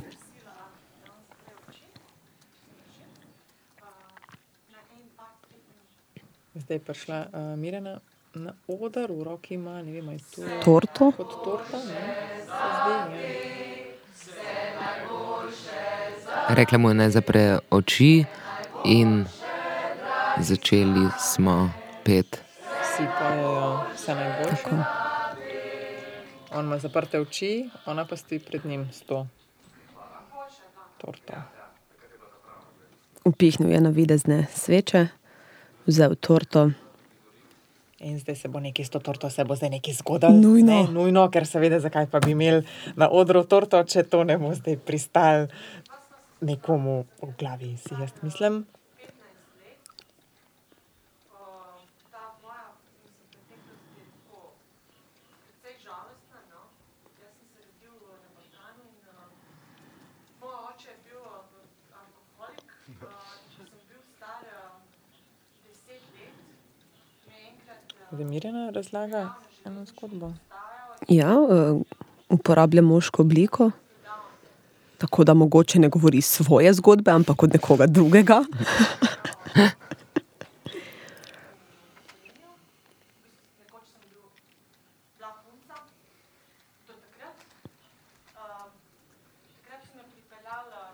Zdaj se je razkrilo, zakaj je uporabljala, zakaj uporablja moško obliko, ker je vmes spremenila spal, oziroma spremenil spal. Ja. ja, rekla je, da nekoč sem bil punca.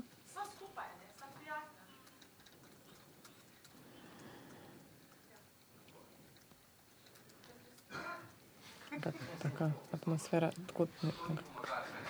Tega neprijetnosti. neprijetnosti, ja, ne vemo zdaj. Ker nekako iz tega uh, heca, iz tega stanetove energije, smo vseeno v par stavkih dobili neko tragično zgodbo Ja. ene osebe, Tako. ki je bila tokrat.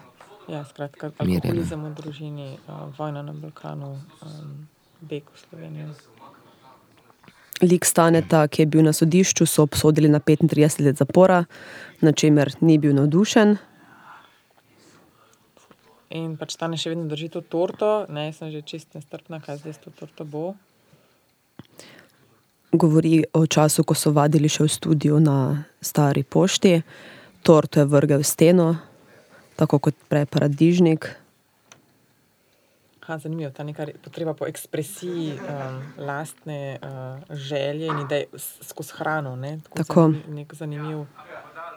Zdaj stane prijel torto prav v roko, dal je, odložil je. Um, Aha, no, in ker so mu prepovedali uničevanje službenih prostorov, bodo zdaj, da bo lahko to ekspresijo izživel, steno oblepili oziroma zaščitili z folijo, na katero se bo torta prijela.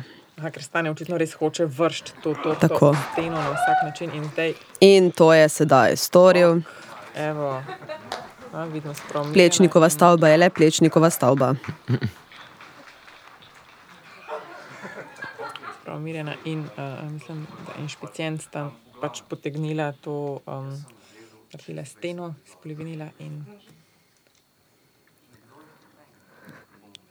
stane prav, da je pač ponudil več kot 20 prizorov.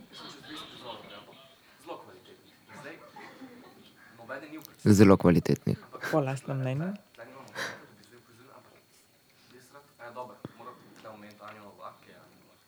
Aha. Ona jih je naredila 1,18, tako da je bila pisana, ampak ni rada. Tudi omenil tudi Anjo, tudi Anja je bila zelo. Tako, ampak vseeno v maniri, iz katere je jasno, da je stane naredil največ tekom procesa študija.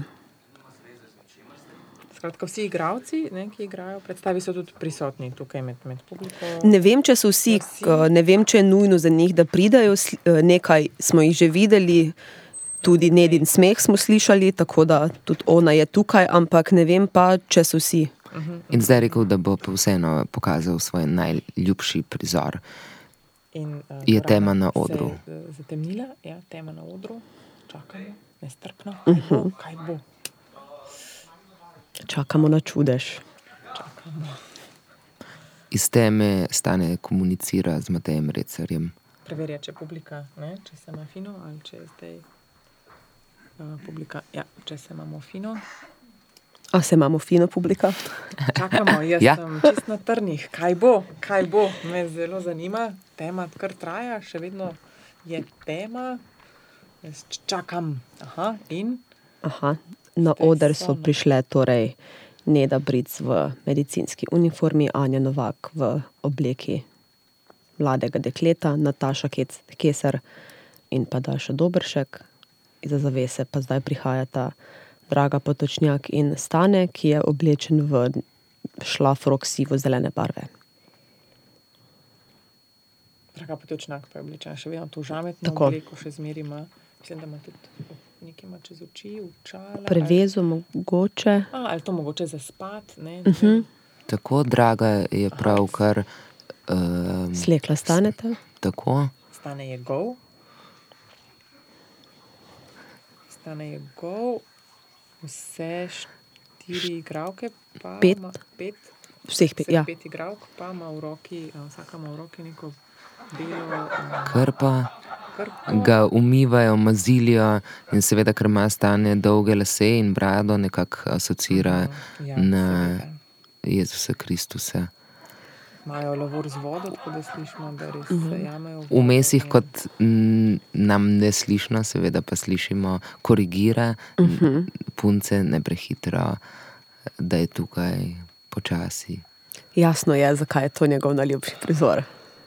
Absolutno. Ja, lahko, lahko razumem. Ja. Skratka, Ki si ga seveda sam izmisli.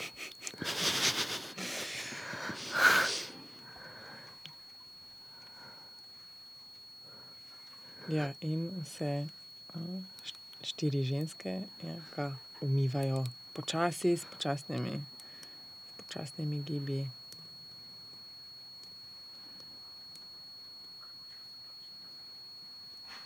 No, Spet tiho, jih korigira. Naj kar počasi. Kar Naj si vzamejo čas.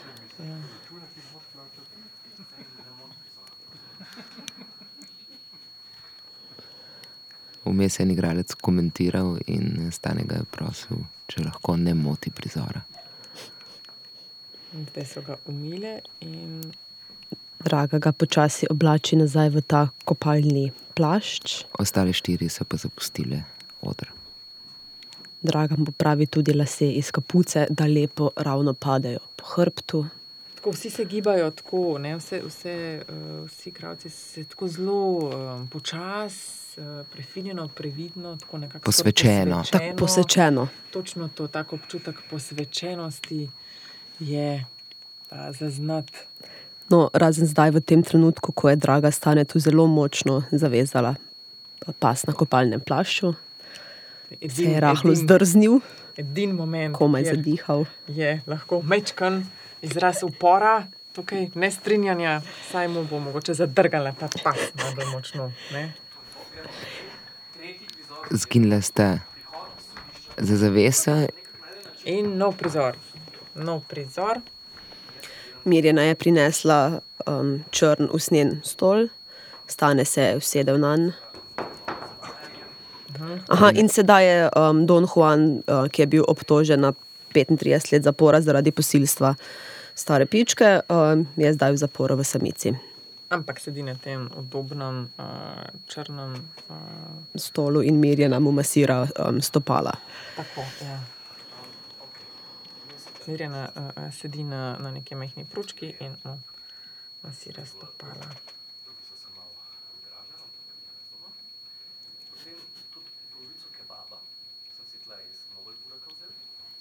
Zdaj razlaga, kako je v prizoru, uh, ki ga je demonstriral, tudi jedel. Recimo, In kebab. tudi, kaj vse je jedel. Mislim, da najprej govori o kremšniti, potem si je v bližnji, bližnjem kiosku kupil kebab, pojedel tudi to. Temperatura se spremeni. Spremenila se res. To še Mateja zanima, ne? Da je zmenjeno ni. Ampak ti greš in mi nekaj bereš za nekaj iz Franka, ne? In mi moraliziraš. Ja, pač stane sedi na stolu in tako v bistvu ne, ima neko tako samozavestno pozicijo, ki govori.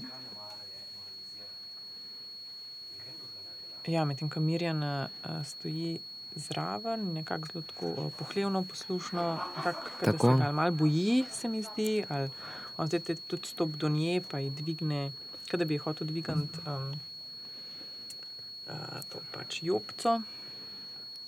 Ampak pravi, da je kot šel do Skanarela, ne? do Tako, torej, torej njegovega asist- Don pomočnika, pomočnika. Don tako. Ja.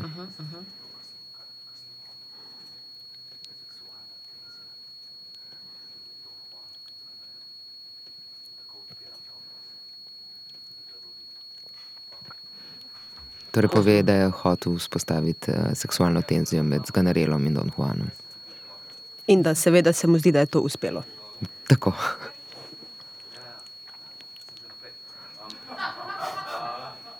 Bil sem še v tem eh, plašču, takoj po tem prizoru pride Tomi do mene. Mi pa s Tomijem je komuniciralo veliko. Stane sedaj razlaga o svojem odnosu z režiserjem. Um, očitno nista veliko komunicirala. Oziroma, zdaj ne komunicirata več, ali to je zdaj ja, vprašanje odnosa. Uh -huh. Vsekakor.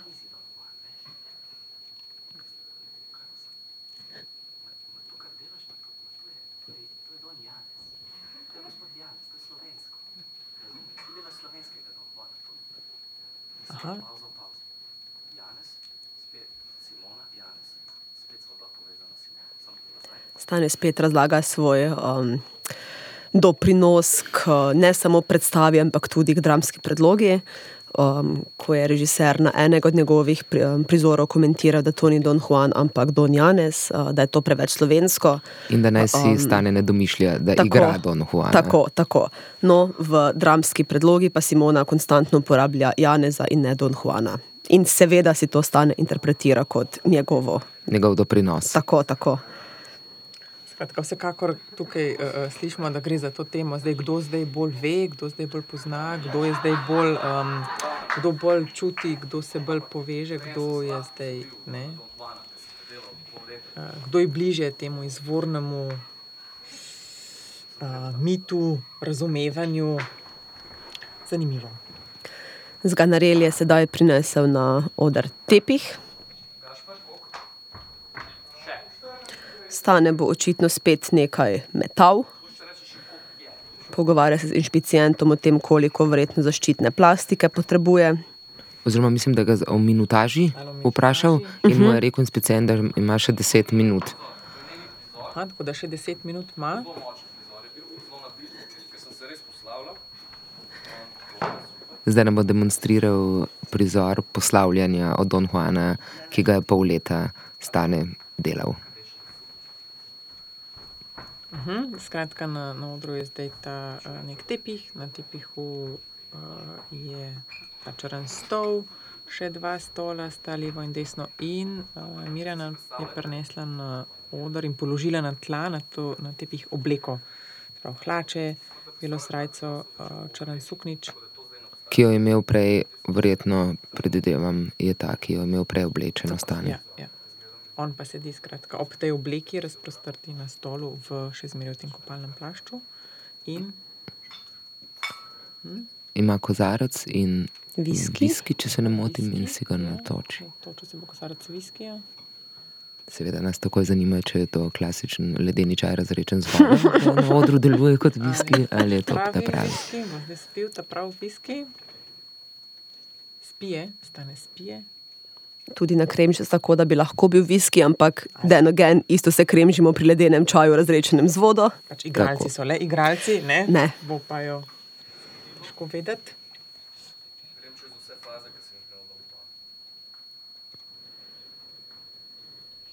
Aha, iz cigaretnice. Je cigaretnica to? Ja, si je vzel.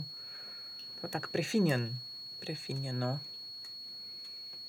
Cigaretnice si je vzel. Uh, cigareto. Cigareto oziroma Cigarilo. Zvit. Ja, zvitek. Imam res to žalost, postavljam. Res sem bil takrat navezan in res sem mislil, da pač me spet postavljajo v neko tako pozicijo. Ne. Govori o poslavljanju, ne, kako se Tako Od od Don Don Juana. Juana. posloviti od vloge. Ne, se pravi, njegova vloga leži njemu pod nogami. Tako. V resnici, če vzamemo to, da je pač obleka predstavlja uh, Tako, vlogo, tako. on pa sedi nad to vlogo na stolu, um, go, kadi in Pove tudi, da ko so na akademiji v tretjem letniku delali Don Juana, ga tudi tam ni igral. tako da očitno je stane ima ja, neko, neko zgodovino um, igranjem vloge Don Juana.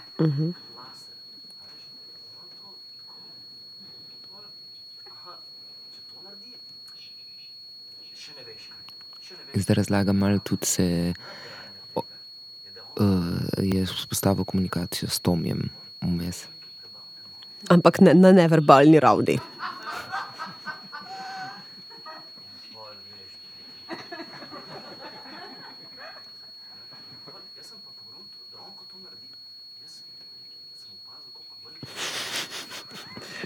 Ja, v bistvu razlaga, kako, ne, kako zna prebrati uh, Tomjeve uh, um, Um, mimiko. mimiko. Ne, in zdaj v bistvu kako, ne, če stane, se pravi, če nekaj naredi in kako je že sam s Tomjevega obraza zna razbrati. Je to zdaj? Ja, ne. Ampak jaz sem držal, jaz sem držal, ker res sem se postavil v tega Don Juana. Zdaj,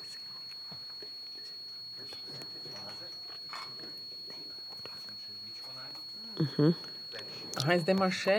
Kremšnito, še če se ne motim. Ja, kremšnito ali pa ta uh, s črnim je, no, gor. Zagrebška. Zagrebška, Tako. tako ja, no, da smo natančni, zagrebško. Aha, Ja, evo, evo, saj tudi pove. rezina. To pa ja vemo, kaj kaj je, se spoznamo. In jaz vse to, vso hrano za prizore, navdihujem Pove, da kupuje hrano v Hoferju. ne zato, ker je blizu pa pocen, zato, ker je dobro. Ja, Zdaj govori, res spomnim, baše se s to eh, zagrebško rezino, tako da jih komaj razumemo. Ne, zdaj. Uh -huh.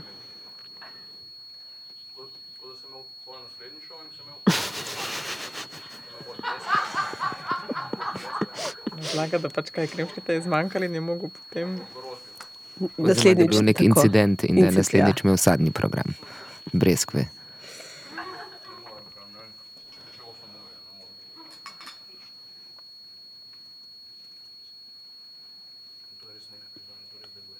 Stane nas tako, zelo, zelo je resen, zelo je zauzeti nas prepričuje, da te prizori, da to res, da to res deluje, da je to res, res dobro, da je deloval, da je močno, tako res je. Gradi neko to um, ne, napetost, da bo, tro, da bo proval nekaj vzpostaviti. Poslovi se od Zganarela, ki sedi med publiko. Ja, Torej, ja. Mirjana objame. Zdaj gre še do Drage, Draga tudi ostane, tudi njo objame. Tak, objem traja, čuti se, da je to nek objem s težo. Mhm, tudi on prav, stane prav, da je to nek močno, ne, nek tak močen.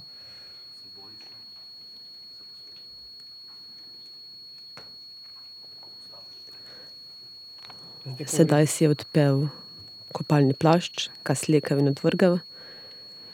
Rekl je tudi še enkrat, da se poslavlja od te vloge, se pravi od te obleke, se pravi obleke, ki predstavlja vlogo, ki leži na tleh. Tako, in spet se oblači v kostum odrskega delavca ena, torej v ta rjav Ibercuk. ki je položen na nek um, ne tako fin uh, oranžen stol, medtem Um, ko je to je prej sedel plečnikov na. stol, to je zelo fin stol. Govorim o čist vizualni podobi, torej iz kraljevskega stola, ne, ker je pred njim obleka in je na tepihu, je zdaj na nekem Se stopil v delavski Tako. razred. Nadel si je tudi kapo.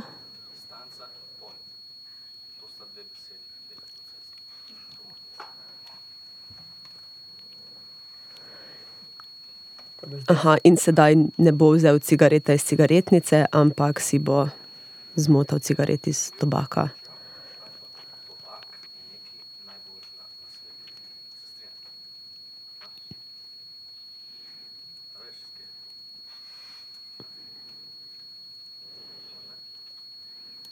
Pogovarja se s publiko, Ja. razlaga o tem, da je tobak nekaj najboljšega na svetu in tudi, da on nikoli ni kadil.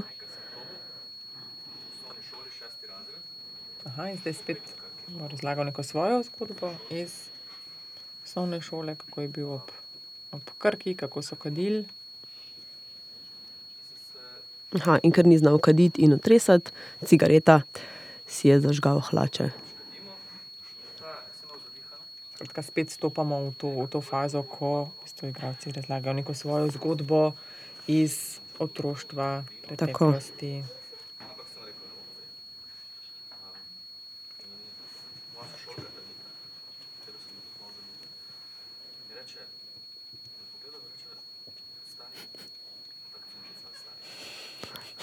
Pravi, da ga je sošolka opomnila, da gori.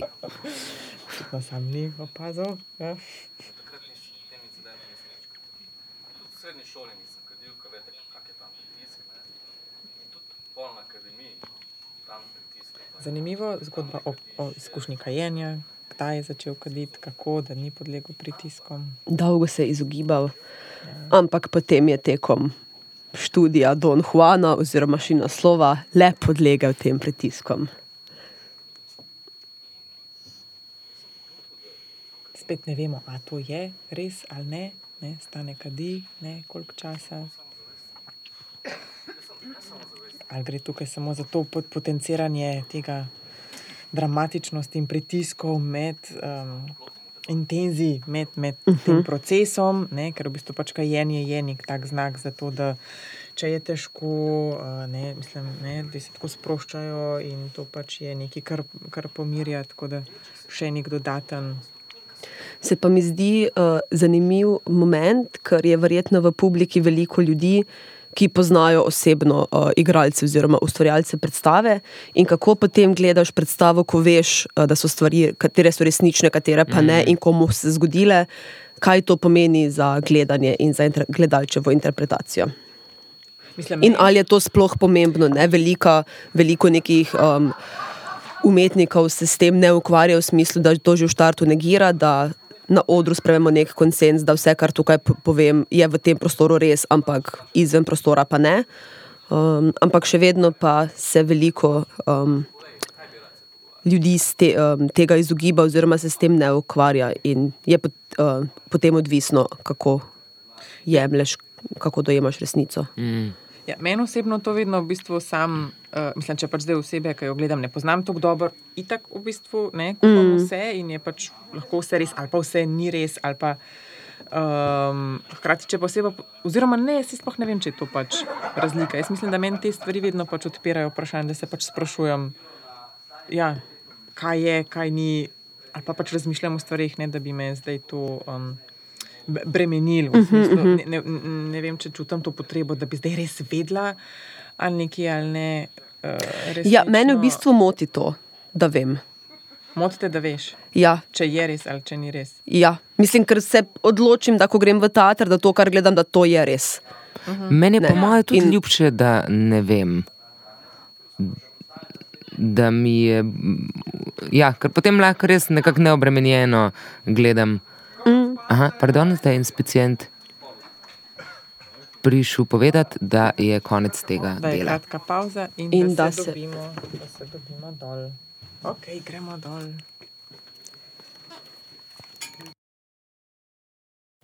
Aha, pa sem da je malo bolj. Um, Se bom, bom, Boš? samo na to Okej. naredim. okay.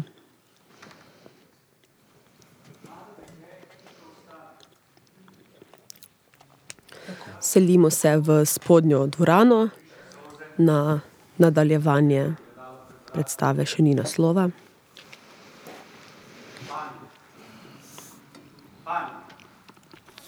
Publika se je posedla.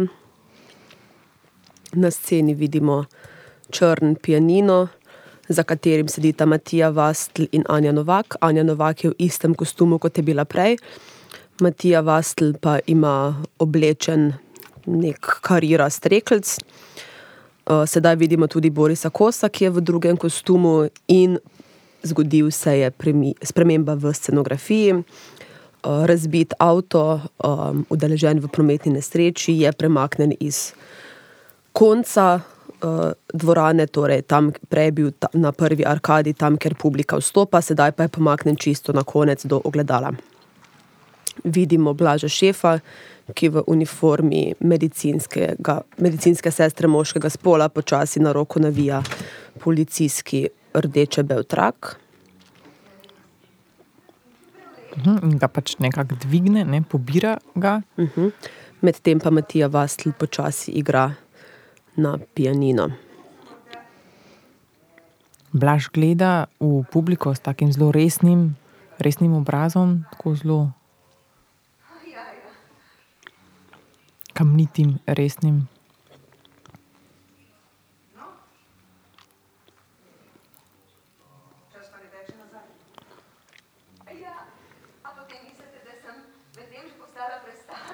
Mhm, In uh, draga potočnjak pa je oblečena zdaj v neko drugo obleko, Rdečo resa sto, um, s tankimi naramencami, tako da ima gola ramena, gol hrbet. tako. Pogovarja se z Natašo Keser, ki ima blond lasuljo in pa nek ta pajac, um, moder, ohlapen, z dolgimi rokavi. Ta, tak, ta 80. Tako. In uh, Nataša bere iz uh, telefona, mislim, pomaga si, očitno zapiske na svojem uh -huh. telefonu, tako da to je spet ta znak, da smo v prizoru um, Simone Semenič. Pogovarjata se o nakupu obleke. Nataša je očitno um, prodajalka v trgovini z oblačili, draga potočnjak pa stranka, ki kupuje obleko za nek dogodek, za neko večerjo.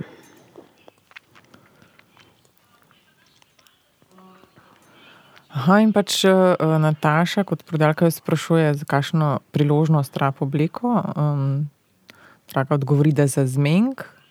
In Nataša, kot prodajalka, odgovori, da to pa je potem še premalo je pomankljivo, oziroma še preveč, da mora biti še bolj verjetno nekako zapeljiva obleka in da ta obleka ni dovolj zapeljiva, da je lahko Se- še bolj. Sedaj se je pogovor vključil Matija Vasl, ki govori o ženski, ki je mrtva.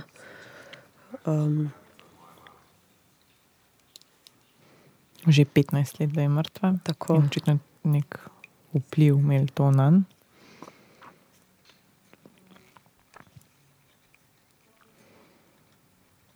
Enkrat smo delali eno predstavo, smo rabili eno okvirje. Takrat me je mama spomnila na, na lupo. očitno je to bila najboljša prijateljica njegove mame, ki je umrla noseča. Taka tragična, tragična zgodba. Mm. Se sliši?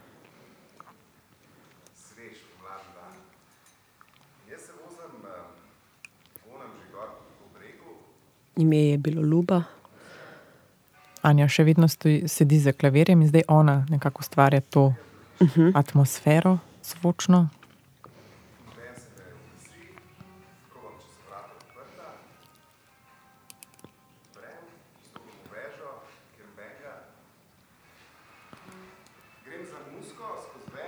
Aha, Matija reče, da je nekako se gre zdaj v ta čas, piše nam atmosfero, da se vozi v avto, kjer muska je bila, ta muska zdaj tudi mi slišimo.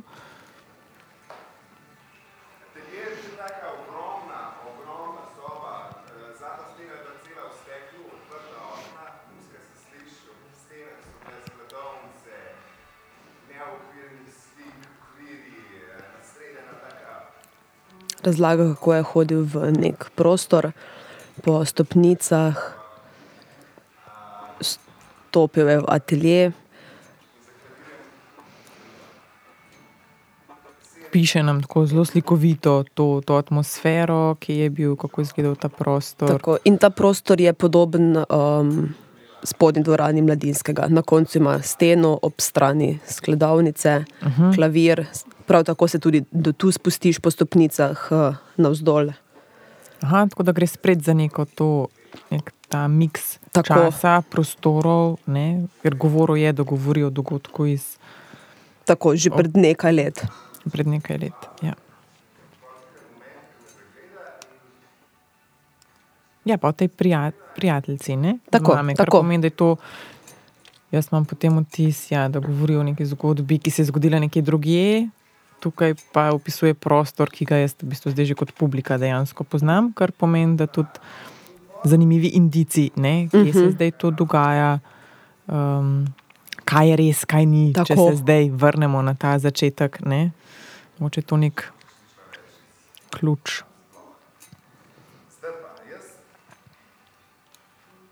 Spredaj, eh, čist spredaj, no, v bistvu čist na začetku odra, pred publiko je še zmeraj uh, sedi režiser. Tomi Janežič pred sabo ima še vedno um, računalnik.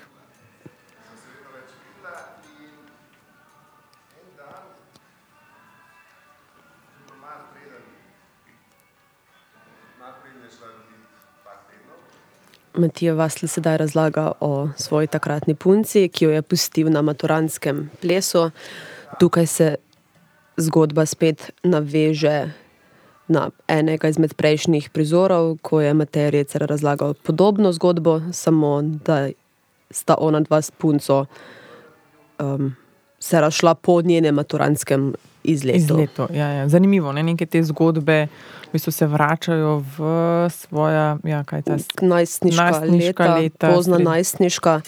srednja šola. Um, zanimivo, da ne vlečejo te v bistvu svoje, ne vem, mogoče se pogovarjajo o svojih prvih ljubezenskih izkušnjah. Ali, um, Ja, ali pa je mogoče navezava na starost uh, mladega dekleta, za katerega življenje se borimo. Ne vem.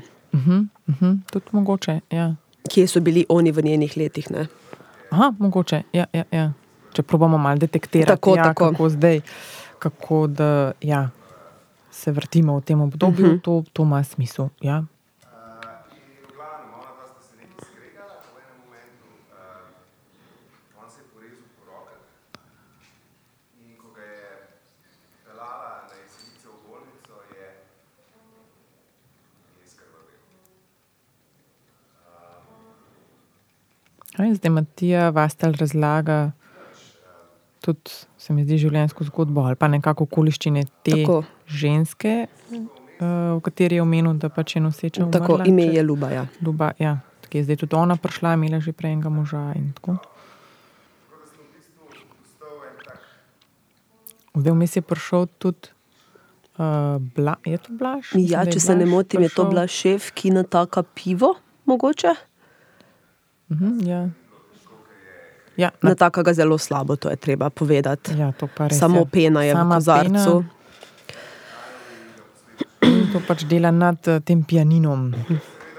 Um, ja, v bistvu na toču. Joj. Joj, res je. Ja. Pena, pena mečkam piva. Verjetno z namenom, ne? Si mislimo, mogoče.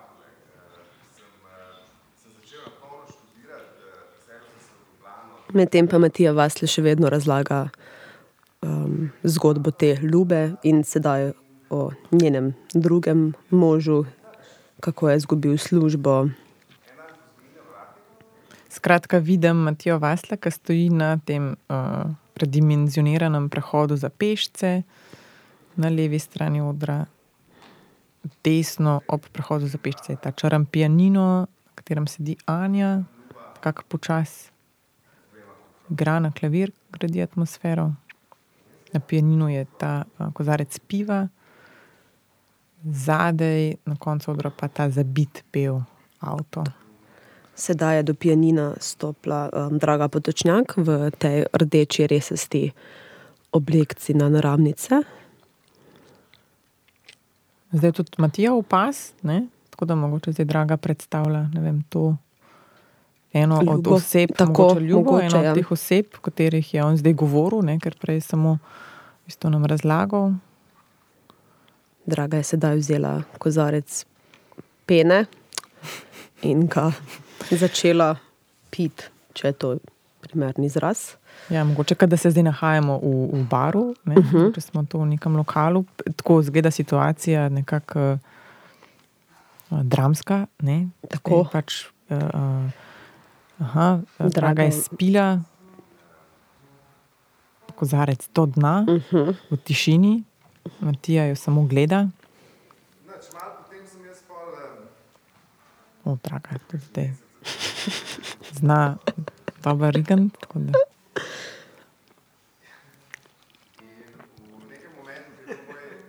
Mhm, to je bil pač res zdaj odigran en moment iz te pripovedi Matijeve.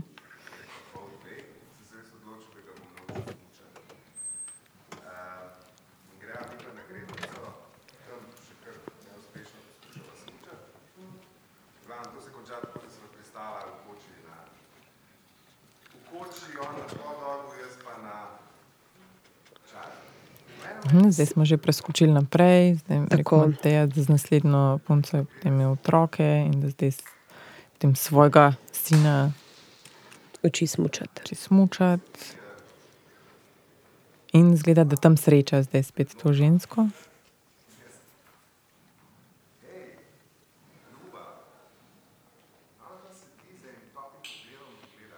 Draga je vrgla kozarec in po tleh in ga razbila. In na tem smučanju, medtem ko Matija vas luči smučati svojega eno leto pa pol starega sina, začuti, kako ga iz kota nekdo opazuje. In to je ta ljuba, s katero je pred leti imel afero. Jaz začnem nekaj prčkati po kuhinji, pogovarjam se z mamo, mama je bila takrat polna, pa je v dnevni sobi, ker, ker v dnevni sobi ležala in pozvoni na vrata. Takrat je imela vsak dan vizito na domu. Jaz grem odpreti vrata in na vratih njena doktorica Špela. In Špela pride v uh, dnevni prostor in prav,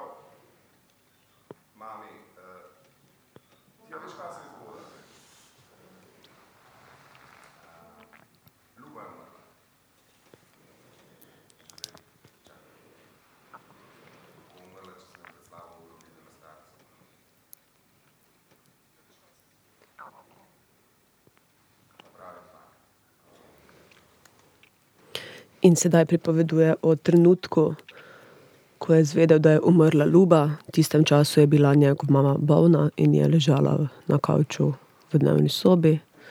On je skrbel za njo.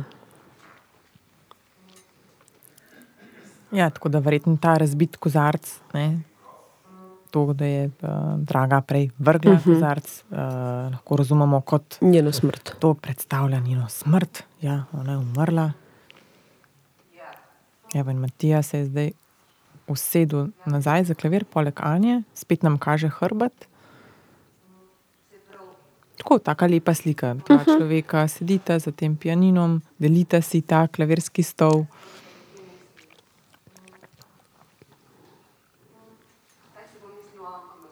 Aha, zdaj smo skočili nazaj, draga je spet V prizoru. z oblačili. z oblačili spet in ne, odgovori, nadaljuje dialog. Ne, Nataša je prej vprašala, če je za zmenk obleka, Tako. in zdaj smo se vrnili. Tako da so taki zanimivi preskoki Tako. v času in povezovanje v resnici nekih um, no, dramskih prizorov. To so sicer. Um, ta struktura je zelo um, tipična za pisavo Simone Semenič. Um, aha, sedaj blaž pometa črepinje. Blaž oblečen v tega bolničarja, tako. še vedno pometa črepinje.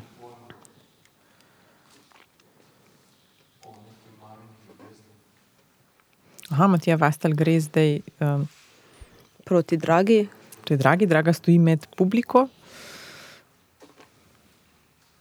režiser pa spet na mikrofon govori o tem, da je ostal otrok, verjetno to po ljubini smrti.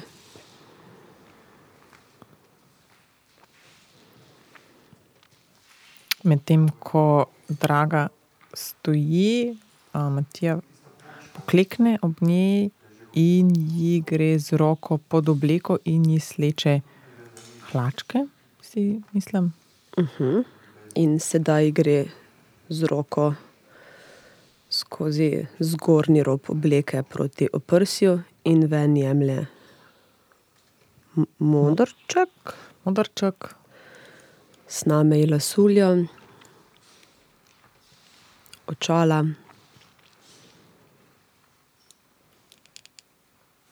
režiser pa na mikrofon govori to. Skratka, 20 let mlajši moški Tako. v razmerju torej z 20 let Starejšo žensko.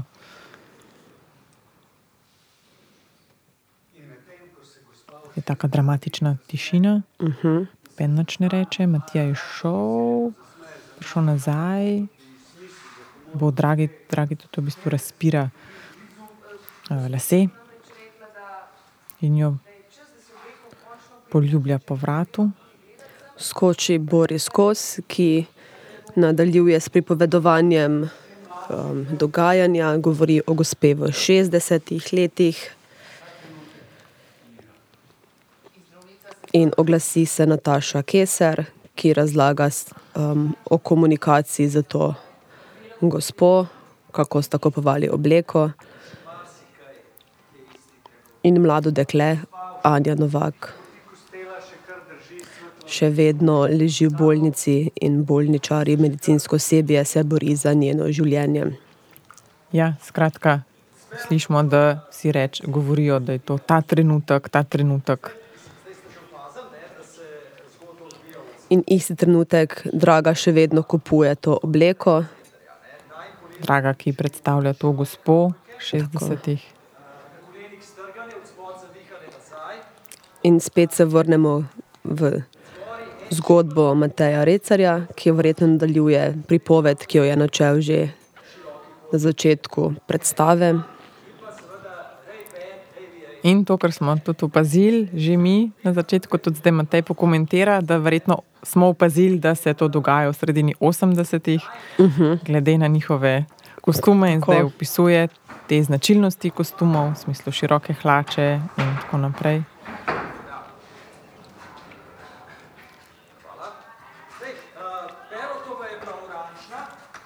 On stoji zdaj ob tem klavirju, Anja je šla, Aha, v, Aha, in v- v- fotelj se vrača. Fotelj, fotelj se vrača. Ja, to je bilo zdaj kar. Uh, ko sta skočila in blaž, šef z leve in stane z desne. In fotelj sta odložila pred pianino, ki sta ga sedaj ki ga zdaj rahlo umaknila. Tako da v bistvu imamo to začetno sliko. Ne? Tako. Eh, Na za- začetku predstave je Matej tudi sedel v tem fotelju, tako le direkt na sredini, čez blizu publike. Um, nekako zgleda zgužvan, zdaj to vse skupaj. Ne? Ja, Uh, Matej spet sedi na fotelju, stane pa je prinesel televizor, na katerem je je bilo, bila projekcija, nisem pa prepričana, če sem prepoznala. Jaz tudi nisem uspela čist videti, je bila neka glava ali neka. ni- Mislim, da je bil nek portret. To ali- se tudi meni zdi, ampak ne bi si pa upala trditi šigav. Ja. Tako da nekako je zdaj to zgužvan, ne, se pravi, uh, uh, uh, Matej na tem fotelju, zraven je ta uh, klavirski stolček uh -huh. in tik za njim ta klavir, očitno nekako ni prostora. Tega klavirja zdaj ne bo noben odmaknil. Uh, Mateju pa se zdi očitno pomembno, da je na tem uh -huh. fotelju Tako, tukaj, tako. ne glede na vse. tako Da... In zdaj spet poslušamo Matejevo zgodbo. Uh -huh.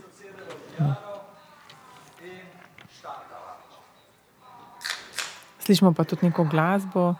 Ampak žal tudi tega ne uspem prepoznati. Matej se zdaj, se zdaj, sedaj razlaga o enem svojem prijatelju Perotu, kako sedita v avtu in pijeta pivo in se vozita.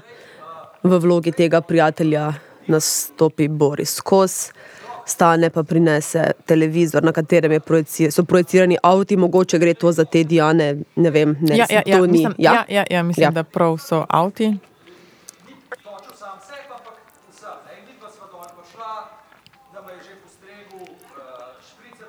Aha, imate prosti še Mat- Matijo, ki je zdaj oblečen v drugačen kostum, ima svetle hlače in neko rožasto majico.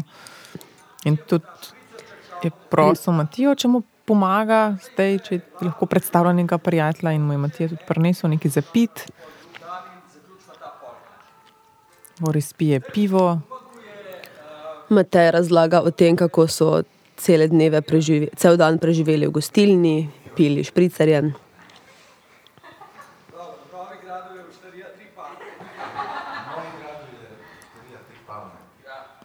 Aha, v Umagu. Tako, V Umagu so, skratka, očitno poletje. Aha, v glasu se je spet režiser uh -huh. na mikrofon s komentarjem. vedno. Kot vedno, ja.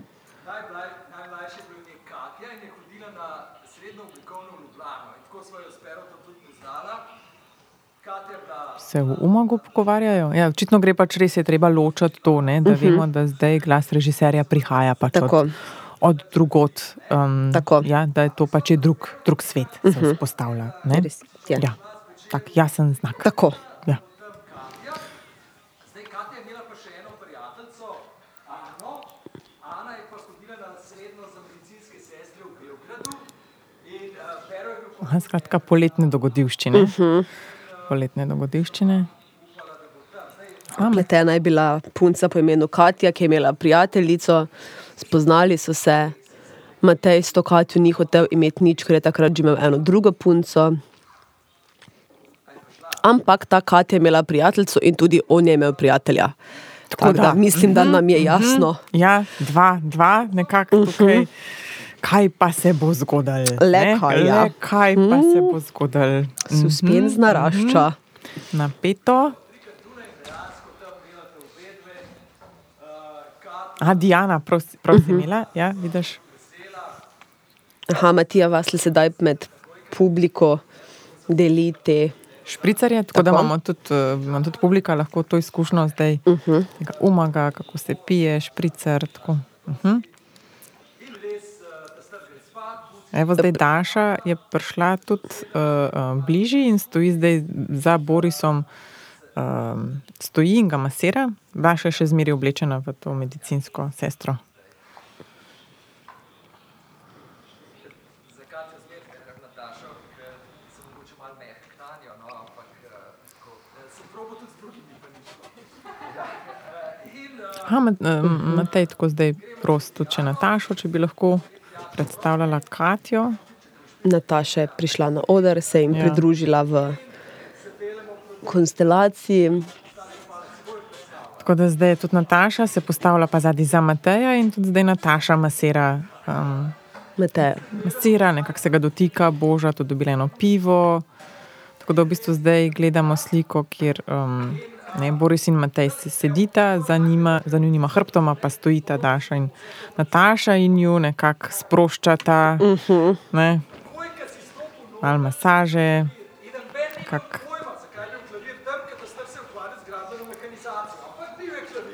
Taka sproščena atmosfera Tako. deluje, Matej v bistvu razlaga zgodbo in uh, za pomoč uh, proša svoje kolege, igravce, uh. Hm. Stane in Blaž bosta zdaj odpeljala ta pianino. ker je bil res že, res je že bil na poto. Mislim, res je bila tam ta gužva, tako da mogoče. Matej pa nam razlaga, kako si zdaj predstavljamo uh, uh, to. Verjetno to hišo, ta prostor, tako. kjer oni so, tako da rabijo malo več prostora, tako da tudi ta fotelj gre zdaj um, nekako na sredino odra. Aha, prav, da je neka luknja na sredini. sobe. Zaznamujejo jo z uh, obročem. Ja, to, da si lažje predstavljamo, mi ne, v bistvu gre zdaj za to. Aha, in stane zdaj prinesel še en Neko ležišče. jogi. Tako. Ja, uh -huh.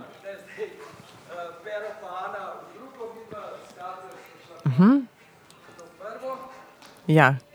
Takole smo lahko ne, pričakovali, da bo zdaj Matej prišel do spalnice. Ne, Tako, tako. Zdaj tudi je do spalnice, kjer pa če stane že naštimal tale uh Mhm. -huh. jogi. Tako da smo že Opisuje tudi razporeditev, razporeditev prostorov v tej hiši. Na eni strani sta dve spalnici, na drugi strani pa je ta luknja v tleh.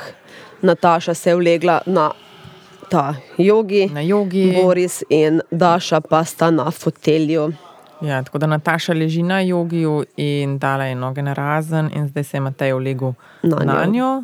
Nekako tako se, da si lažje mi to predstavljamo.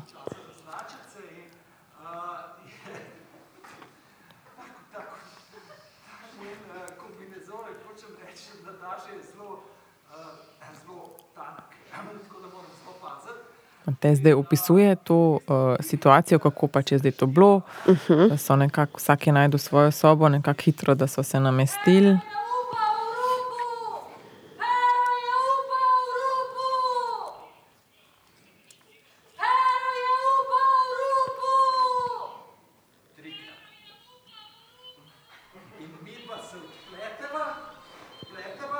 Uh, Daša kriči, Pero je upal v rupu, torej Pero, ki ga igra Boris Kos, Matejo prijatelj, je verjetno padel v to luknjo to v pač dnevni lih, sobi. lih je pač to uh, uh, ne, zakričala, ko pač sta bila Matej in uh, vem, Katja. že, Katja, raven pač sred, uh, uh, sred tega, da bosta sred akta. Uh -huh. Mhm. In- zdaj je to bila prekinitev, in zdaj Se je Boris Kos ulegel v ta položaj, v kakšnem je ležal, ko je padel v luknjo, seveda z napav slečenimi hlačami. in okrog stojijo Nataša in Daša in Matej, gledajo ga, tišina, glasba. Okay. Je možno, da je Pero umrl? Ja, verjetno sem tudi zdaj to pomislila. Glede na to, kakšen, kakšna atmosfera se je vzpostavila, mislim, da je to uh, ja, vsekakor nek tragičen dogodek.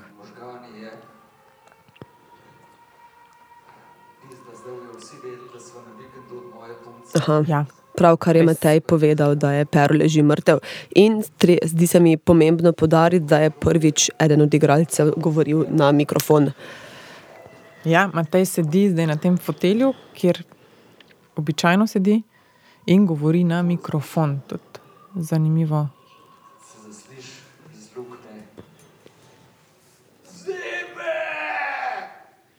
Kratka govori o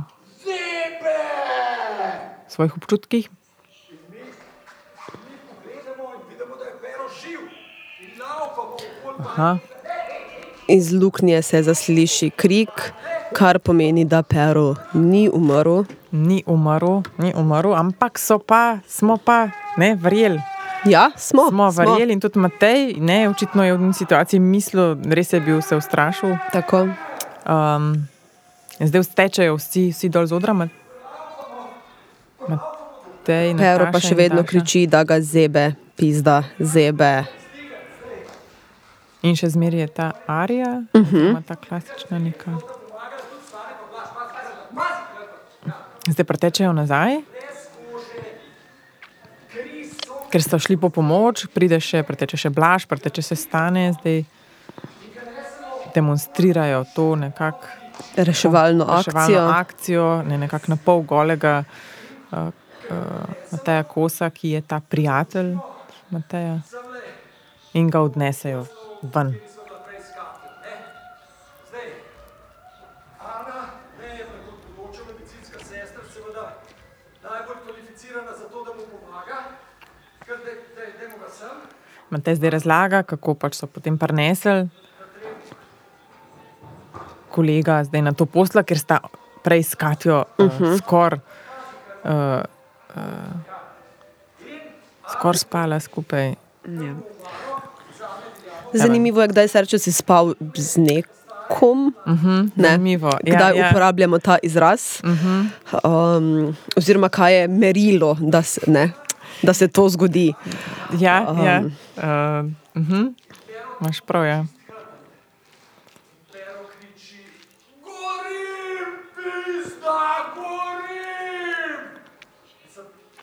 Sedaj Matej razlaga, kako je ta ka, pri, Katina prijateljica namakala v veljamovko neke robčke in s, s tem. Um, Ja, verjetno uh, probala razkužati. Tako, ne, tako te- razkuževala, rane. hvala. Ja, ja. Um, pero to v rano, seveda to ni prijetno, um, alkohol na rano pač vedno peče.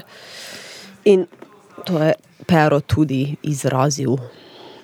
In Tukaj gledamo v bistvu tako zanimivo situacijo, ne, ker imamo pač Mateja, ki razlaga to, to zgodbo, uh, ostali igravci pa nekako uh, nad- nadomeščajo uh -huh. Po potrebi te osebe, um, so prisotni ali pa niso, tako nekako um, taka strategija, upozoritvena, uh -huh. ki jo gledamo. Evo, in, Aha, in uh, Blaž šef z Arijo in krilci se vrne.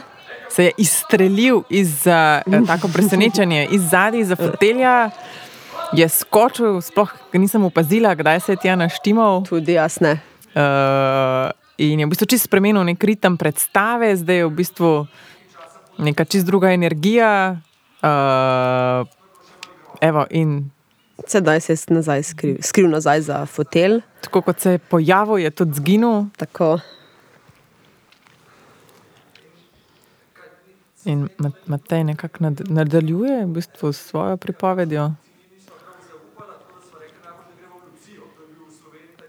Zanimivo se mi zdi v bistvu, da se vsaj kolikor smo videli za enkrat, zgodba navezuje na Don Juana, istočasno pa tudi na nesreče, ki se zgodijo pri spolnem aktu, oziroma s tem na nek način povezane, uh -huh. medtem ko pa vse.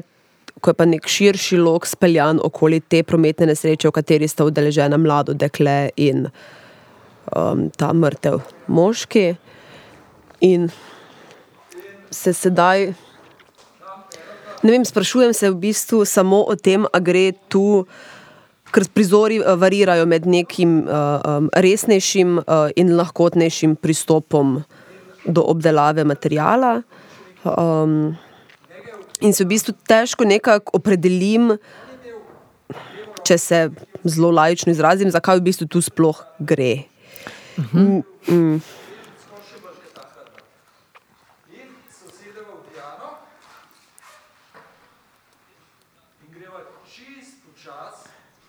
V unih ovinkih, Ja, do, dobro vprašanje. Ja, v bistvu kaj, če probamo zdaj detektirati, kaj, kaj so neke skupne. Mislim, vsi prizori do sedaj se navezujejo ali na prometno nesrečo, ali na smrt, ali na Don Juana, ali na seks. Zdaj to, In te neke Sin- seksualne, ali pač zdaj prve izkušnje, Tako. ali neke Prelomne na nek prelomne, način. Ali kritične, ali nekako. Ja. Ampak zanimivo mi je, zato ker skozi nič do zdaj nisem uspela spos, uh, detektirati nekega odnosa do katere koli od teh tem, ampak vse, so vse variacije na temo iz različnih perspektiv.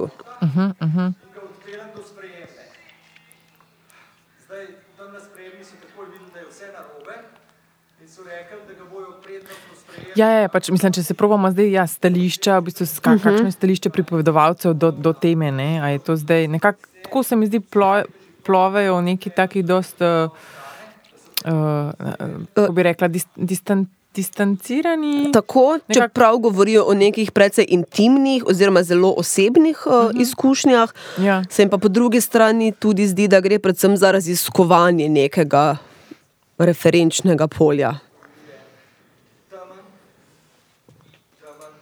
Še zmeraj smo pri tej, na tej še zmeraj nadaljuje uh -huh. to, to zgodbo. Ta zgodba v bistvu že kar nekaj časa traja.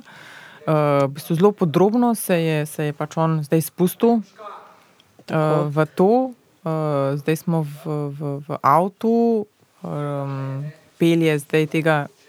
Očitno Perota. pol, perota, ki je očitno nekako polomljen, saj glede na to, kako pač je Sedi. Ma, mat, um, ne Matej, ampak Boris ja sedi, ne, tako nekako skrivenčen, nekako predstavlja uh -huh. to poškodovano telo.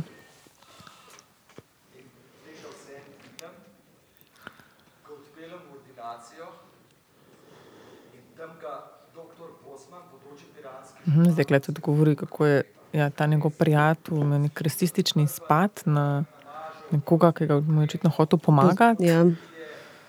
Tako da tudi to očitno neka tema, ki se odpira tukaj. Dva in bo v redu. In res vidva potolažena, greva nazaj v avto. In In zdaj slišimo tudi detajle o tem, o zdravju tega kolega, da se bo vse v redu. in- Tako o okrevanju, Okrevanju. o neki prognozi. Ja. Zdaj se peljeta iz tega umaga oziroma okolice proti Ljubljani. Um, stane kot odrski de, um, delavec, ena pa proba pomagati z rekvizitom, prenese ima volan, ampak mu Matej pove, da ni potrebe, da to da, da roko, kot da drži volan, je čisto dovolj močen znak. Skratka, ja, stane je spet nekako izbral napačen trenutek, nekako ni njegova pomoč, doprinos uh, na tem, tem mestu ni, Ne. potreben, nekako odveč. Ja, tako da stane je šel. uh.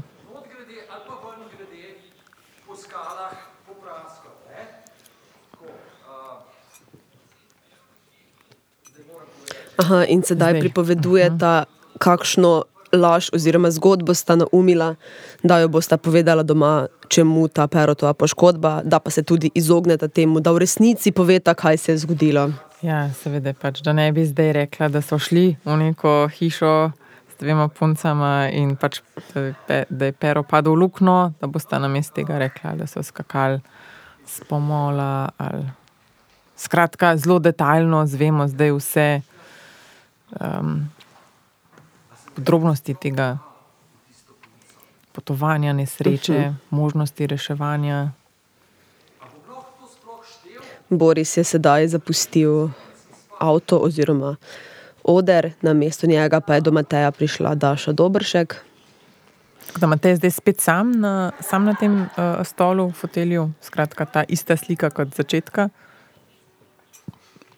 predstave. Aha, in mislim, da se zdaj pogovarjajo o podobni stvari, To, ki so jo prej to. načeli Mhm. medve. Ja, ne? ja, ja. Kdaj spolni akt postane spolni akt. Namreč cela ta zgodbica, ki smo zdaj poslušali, Daša na koncu ima vprašanje in ga vpraša, če ga zdaj je dal not ali ga ni dal not. Ne? In zdaj sede k njemu. Stane pa je prišel in spremenil številko na Matejevih prsih.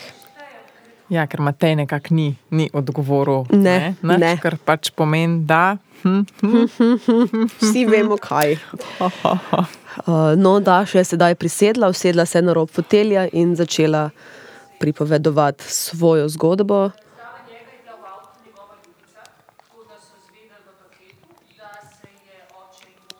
Spet razlagajo, o, spet se navezujejo na prometno nesrečo. Tudi Daša je poznala nekoga, ki je umrl v prometni nesreči. Zadnji letnik študija, šli smo na tridnevni seminar, In sedaj verjetno to postane ta osebno spet Dašin izpoveden. del. Ta, vemo, ne vemo, je Tako, res, tako. Res, ne? Mhm. Um, govori o tem, da je bila včasih, da je bila tudi oč, ona nekoč uh, ljubica nekomu, torej poročenemu moškemu. In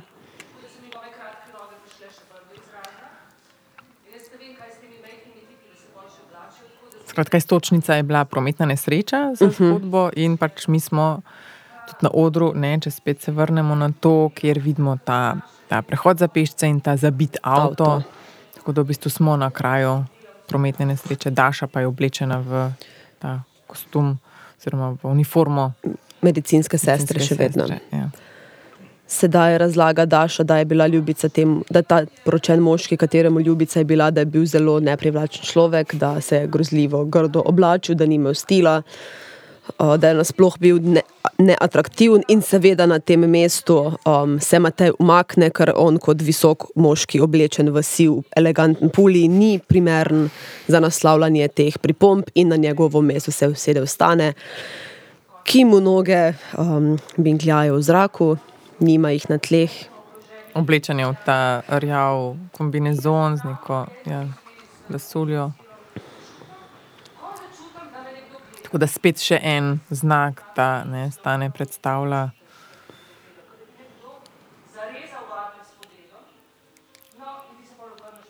v Aha, Daša sedaj razlaga, kako se je spoznala s tem svojim ljubimcem. Bilo je na nekem banketu. Mhm, ja, je rekla, Cankrev dom ali kako. Ja. In da še tudi stop, v bistvu zdaj med, med publiko, med te dve tribuni, ne, ker na vsaki strani sta uh, Ja. Nekako posred se da hoditi, tako da je ona v bistvu med publiko. Piše detajle, kaj pač je na tem banketu bilo, kaj si dal za jesti. Tako da upiše atmosfero, da si lahko čisto res predstavljamo. Uh -huh.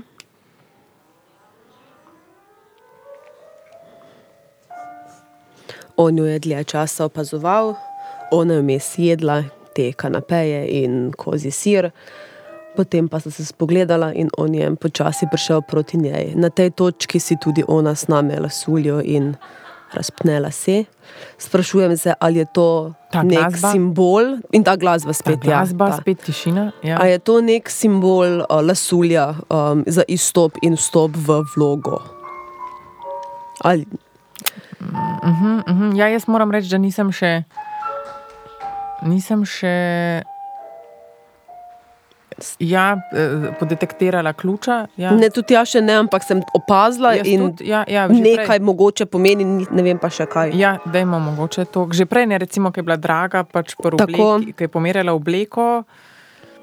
Je potem, eh, ko je Tako. Matijas rekel, je tudi v bistvu dal lasuljo dol. In tudi Anja si je snela lasuljo, preden, um, Preden je šla no. do, na, do Angela Rafaela.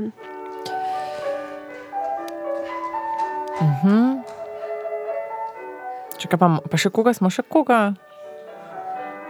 Videli, kakšnega moškega smo tudi videli, ki si dal dol lasuljo. Samo stane, ko se je preoblekel v Ja. Don Juana. Aha, in vidiš, vsi ti si potem ja, dajo dol lasuljo in razprejo te Tako, eh, lase. lase. Ja. Sprav stane, pa zaenkrat daša, draga Anja. Aha, to je bil tudi zanimiv prizor. Daša je tekala po spodnji dvorani, skozi eno bok proti drugemu, skozi prehode. Ja, tako da zdaj je prišla nazaj in je v bistvu čisto zadihana in nam govori, kar v bistvu nekako se zanimivo poveže ne, z, z um, samim aktom, spolnim, ne, da je to bil mogoče tak zanimiv, zanimiv prizoritveni postopek, bi rekla.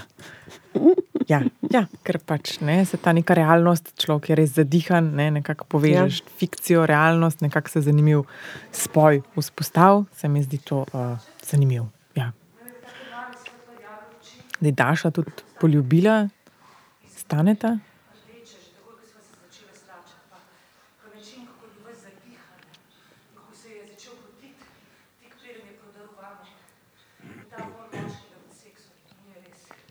Aha, sem se mogoče to prehitela, zdaj je v bistvu. Ja, to je tudi mene rahlo Ali- zmedlo, ker se mi je zdelo logično, mislim, to je interpretacija, Ja, ja, ja. ampak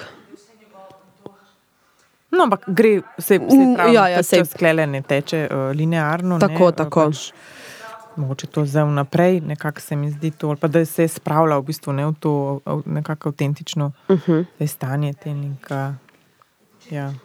Da še razlaga o tem, da se je v bistvu ta moški ne samo, da ji ni bil zares všeč ali da se ni znal uh, oblačiti, ampak prav, da se je gabil.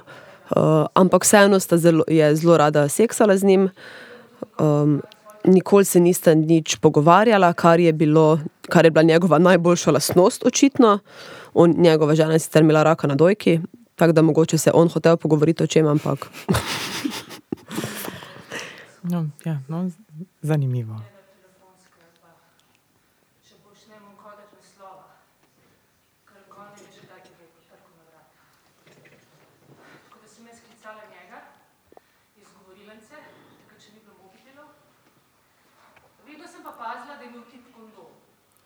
Nikoli nisem seksala brez kondoma. In on je uporabil neke te ekstra debele kondome, Aha, Daša zdaj ko so za analni seks. Daje nekaj na svetov, kako zdaj tak odnos. Ne, rekla je, da pač če ima tipa samo. Če imaš tipa samo za seks, ne mu dati te svoje telefonske. ali pač, naslova. ali naslova, da te ne išče, pač tako da imej ti kontakt, da ga ti kontaktiraš, da te slučajno ne bi. Tako. Eno in isto, tako najprej seveda hrana, pol pa seks, idealno vrstni red. In greva v hotelsko sobo, Sedaj razlaga, kako sta se nekega dne dobila v hotelu Slon v Ljubljani. in mu poč kondom.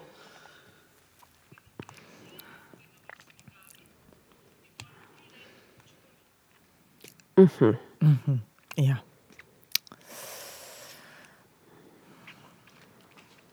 Torej, uh, moškemu je med um, divjim seksom počel kondom. Zdaj dramatična Tiš, tišina, tako, pauza, stane se ustane, s- in sleče.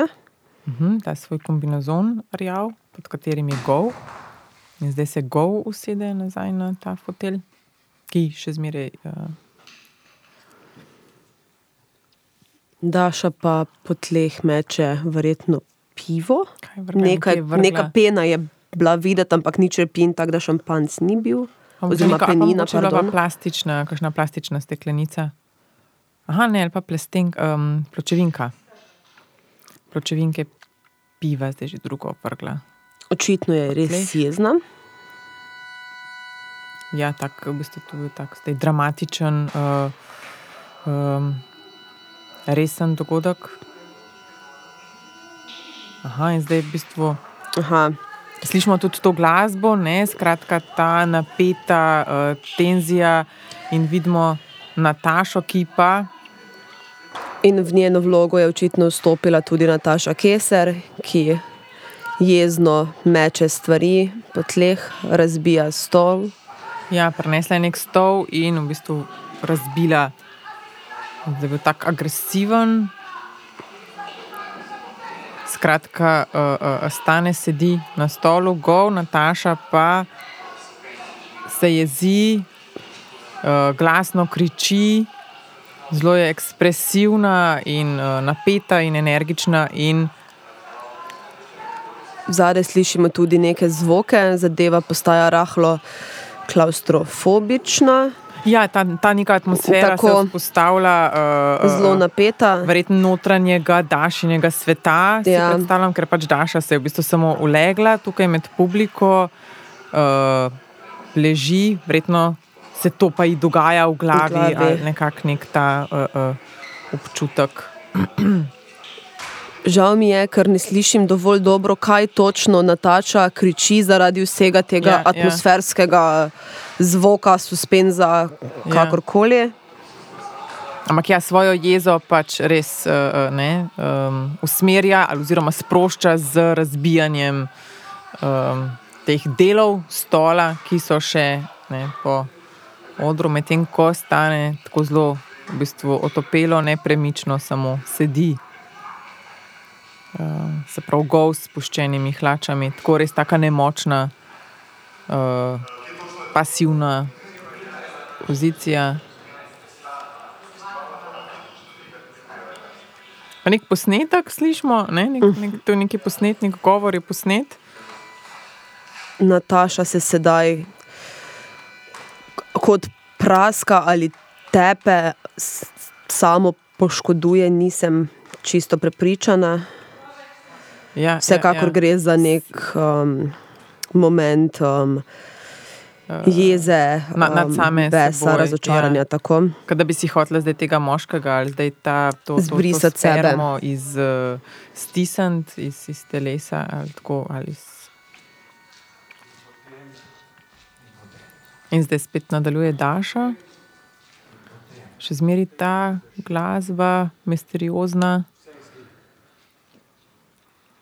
In potem, in, In potem, potem, in potem, in ja, potem in čudež. potem čudež je rekel režiser na, na mikrofon, zopet se je Mhm. oglasil. Potem je pa nadaljeval Boris Kos in potem in vrnemo se k dekletu v bolnici. Boris, uh, ko spet bere z Tako. uh, stabelce. Aha, to mi režiser ta. Aha, je nekako dal znak, pokazal. Prav počasi se premika do rampe, počasi, kot da preter ni poln. Uh, Boris zdaj v bistvu ima dialog z Dašo.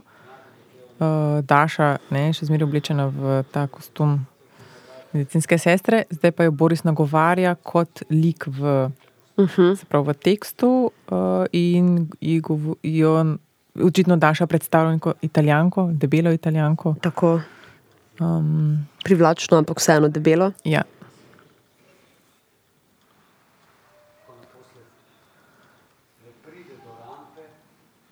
Uh, zadnji pa tudi neka glasba, klavirska, tako, taka.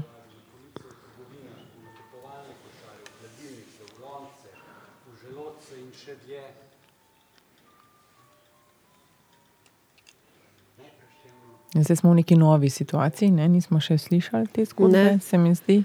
Smo, smo pa spoznali, eh, oziroma eh, slišimo pa dva že poznana elementa, torej um, čas se meri v količini bedrc, ki v tem času preletijo v škatlo, in italijanka je v bolnišnici, če prav razumem, uh -huh, ker je uh -huh. že malo dekle, mlado dekle in reševalno osebje.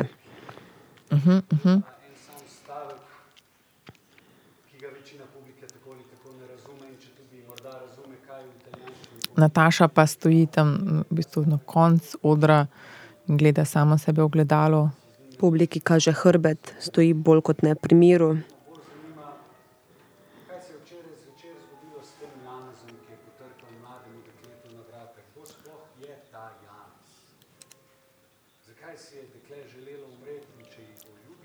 Aha, Aha, očitno je ta aha. debela italijanka iz istega bloka kot mlado dekle. In se zdaj sprašujemo, kdo je ta Janes, ki je potrkal na vrata od tega mladega dekleta. Uh, če sem prav razumela, je ta Janez isti moški, ki je bil za njo v avtu, ko uh -huh. sta imela nesrečo, torej ta mrtev. Ja, ja, ja Mrtva te, podoba. Od te Tako, mlade, tako, ja, tako. Ja, ja. Um, od te, tega mladega dekleta. Očitno zdaj vemo, da tako. Tako. mu je ime Janez. Janez. Se pravi, ta, ki je uh, se na začetku Ponesrečil. predstave ponesrečil in je v tisti um, uh, plastični. Tako. Aha, in potem, in potem dva fletna reševalca, boste zdaj prišla, skratka, spet Na njej pa ne več mlado dekle. Uh -huh. To ne več mlado dekle. se pravi nosila na kolesih. To je glas Nede Bric. Mhm. Tudi po mikrofonu, ne? Ali Ja. kako nekako tako glasno. Ali pa je bil mogoče Posnet. pred- posnet tako. Aha, ker pač je lih kar to mi na mikrofon rekel, aha, kar cel posnetek, da bi si želel slišati. Sprav bila ni da posneta. Ja. Ampak, če se ne motim, se je pa na reševalno voz, uh Mhm, -huh, posteljo uh -huh. usedla pa draga potočnjak, ne Neda. ja, draga potočnak, na, se je usedla na reševalno uh, posteljo. Nataša še vedno tam stoji nepremično, se pravi, uh -huh. sredi, zadaj.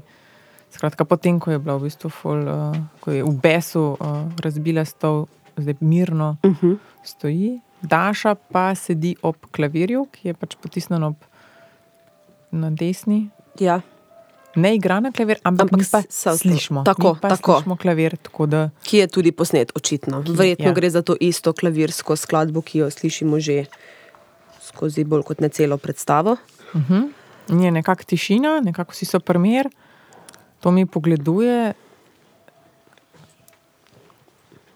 Aha, in je zdaj prosil uh, tonskega tehnika, da lahko ugasne uh -huh. zdaj to in ta ugasne ton.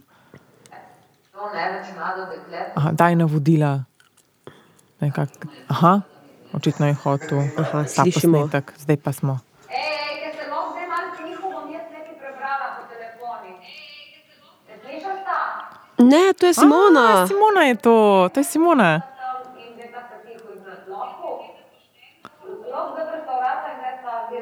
A, Simona. Simona očitno se oglaša po Okej, bojne biti, biti ljubi, tudi taklje.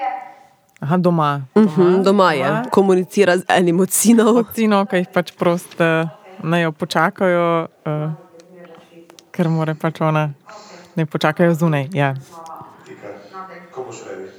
Simona pove, da to mlado dekle, to je ona, da v bistvu iz tega jaz razberem, da gre za nek avtobiografski moment, ki jih Simona sicer veliko uporablja v svojih besedilih. Aha, Um, tudi ni nobena skrivnost, da njeno zdravje ni perfektno. Um,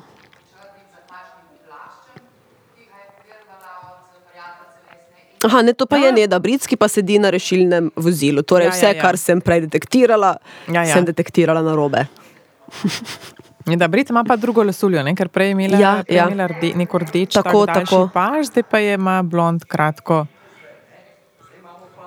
Aha, in v bistvu gre za komunikacijo, uh, uh, sprav Simona se oglaša Tako. po posnetku.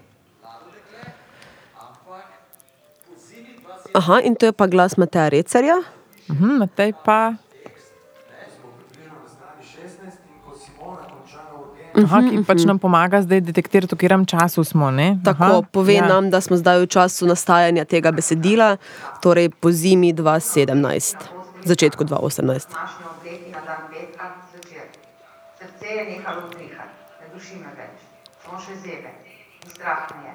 Potem me zebe bolj in me bolj strah in bolj in čakam. Aha, in zdaj Simona bere svoj tekst in prav to, da je na, na urgenci in kako.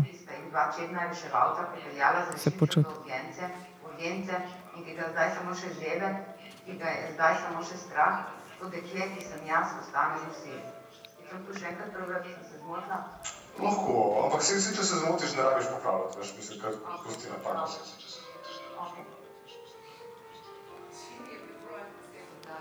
Torej, ta na vozilih je Simona, um, njenemu liku je ime uh, že dolgo ne več mlado dekle. Aha, se pravi, imamo mlado dekle, pa Že že, dolgo dolgo ne ne več več mlado mlado dekle. dekle. Se pravi, nov lik se Tako. je v bistvu pojavil. In tukaj so se odločili, ustvarjalci prizoritve, da bo že dolgo ne več mlado dekle uh, Simona. Tako. Oziroma, da bodo komunicirali z njo. Da bodo komunicirali na tem mestu z njo. Ja, ker se pač vzpostavlja ja, ta Tako. neka dvojnost.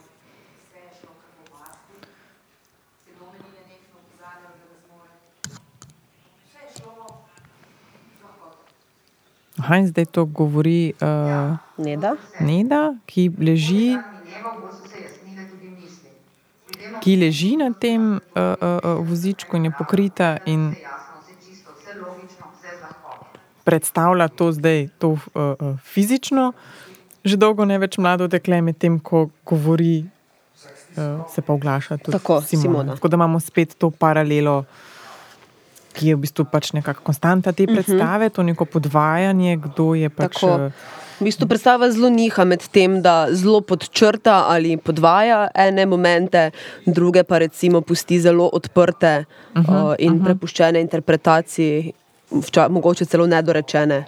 Neda je sedaj vstala, prišla proti publiki, reševalno vozilo je bilo premaknjeno naprej.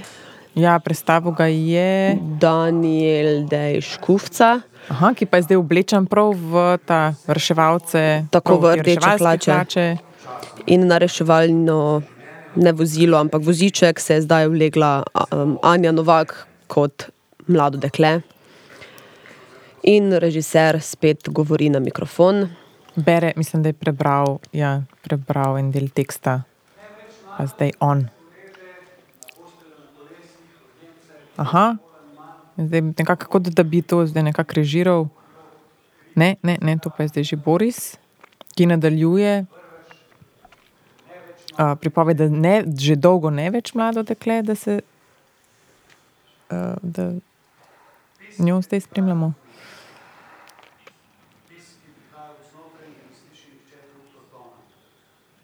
In vsi igravci so, mislim, vsi ali pa no, nekako stojijo na odru, uh, plašif ob strani, kako vsi so. Tudi Matija Vastl. Matija Vastl. Prej smo zagledali tudi Drago Potočnjak, ki stoji.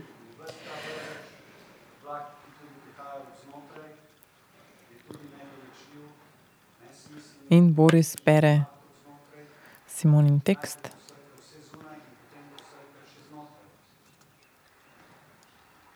V nekem vlaku, ki prihaja od znotraj in posrka vse. To je verjetno neka metafora za vprašanje. Zdaj je to spet neka situacija med življenjem in Mhm. smrtjo tukaj. Ne?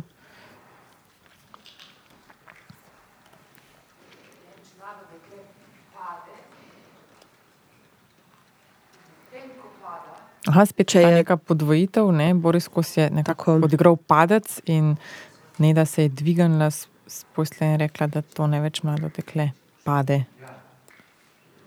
Stala je tudi Daša, ki se je zdaj vlegla na Uh -huh. posteljo, mislim, da je reševalno vozilo. In zdaj režiser bere tekst. Prav prej Boris prav tekst, ne na mikrofon, režiser pa bere tekst na mikrofon. Medtem ko uh, Daša leži na, na postelji in vsi ostali, se pravi Anja, stane, draga Matej, Blaž. Boris, Plaš, pa se dotika Odzvanjalo popoldan v jesenskem soncu. Komaj čakam na odzvanjanje. In Neda pa razlaga v bistvu zdaj o sebi, se pravi, da je eh, Daša nekako predstavljala ta substitut Tako. za Nedo, ki um, govori, uh, oziroma je to še dolgo ne več mlado dekle, in v bistvu spet se je tukaj spostavila ta strategija, da v bistvu lik uh, stopi ven in zdaj lahko sebe gleda od zunaj. Ne? Videla sem jo poleg sebe, slišala sem jo, smejala sem se in vendar Neda razlaga o prividih, eh, ki jih ima med tem padcem. Mhm, ker pač nahajamo se spet, to je verjetno spet ta nek trenutek med Uh -huh. življenjem, smrtjo. Ja, Ja, v moment med, med, ko med zavestjo in ne ja. zavestjo, ali kako bi se izrazili. ja.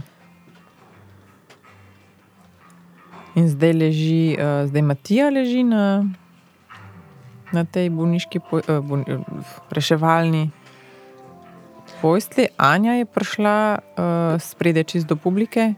Slekla se je v belo spodnje perilo, hlač nogavice, spet ima Rafaelo, stane je pripeljal nek Uh, to, scenski element, to je to ki ga še ne stojalo, vidimo. Kot da bi bilo to stojalo z slike, mogoče pač Tako. prekrito z, uh, z rjuho, Anja pa v uh, tem spodnjem perilu, tako detaljnem, s temi podvezicami, pa um, deli Rafaelo med publiko. In poslušamo komad. Hanja ima očitno veliko teh le Rafaelov, tako da bo vsak v publiki, bo mogoče, če želi, uh -huh. lahko dobil. Gre pa sicer za komat uh, Žutem uh, Sergeja Gainsbora in Jane Birkin, mogoče njegove žene. Ja, vsekakor zelo uh, znan, uh -huh. znan komat, tako, tako prepoznamo. Stane vmes prinesel še tudi en stol. je Anja si bo nadela angelska krilca, Anja. manjša in bolj luškana kot tista, ki jih je imel Blaž. Aha, Aha, in sedaj je uh, razkrila uh, to stojalo za slike, res je slika, in če se ne motim, je to vagina. ja, tako v bistvu pač je bela slika in tako le zdaj tako rdeč, uh, podolgovat, ovalen Uh -huh. uh, element vidimo, ki z malo domišljije ja, lahko predstavlja. Aha, lahko je pa, če zdaj razlaga o tem, kako je Rafaelo, v Rafaelu so mandli, lahko je pa to A, samo tudi je to. samo mandel. Tako. Ja, tako taka dvojnost. Uh -huh. dvojnost.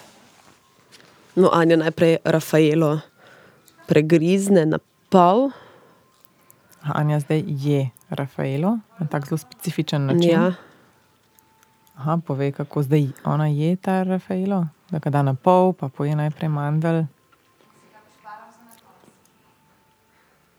A ne ga poje, ampak ga samo oblizne, da si ga.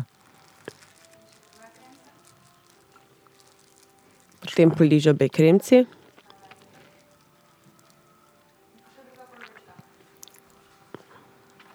In potem poje obe polovici, oziroma skorji, in na koncu še mandel. Sedaj bo očitno naštevala Kaj? stvari, ki jih ima rada. Poleg Rafaela so to tudi poročne obleke. Obožuje ja, tudi bele spodne perilo.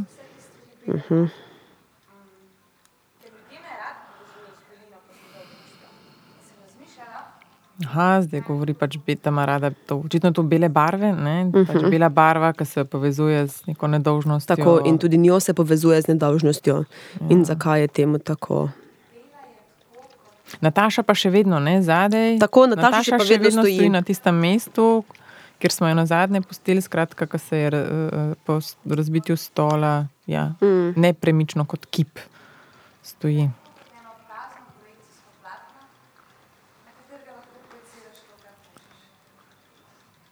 Zdaj je pač bela kot praznina, na katero Tako. lahko projiciraš, kar hočeš. Zanimivo. Nikoli ne bi uh, asociirala v bistvu bele barve s tem, da, lahko, da je to edina barva, na katero bi lahko karkoli projiciral, da je v bistvu kot edino nezaznamovano barvo. No. Ni, ne bi, uh -huh. uh, mislim, to ne bi nikoli zraslo na mojem um, zelniku. Uh -huh, uh -huh, ja, mogoče je tako zanimiva, neka nova.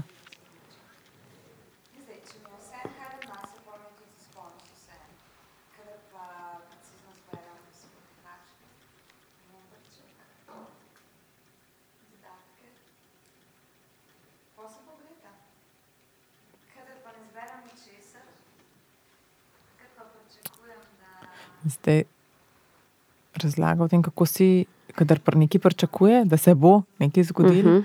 da kako skrbno uh, izbere pač svoje spodnje perilo. Tako.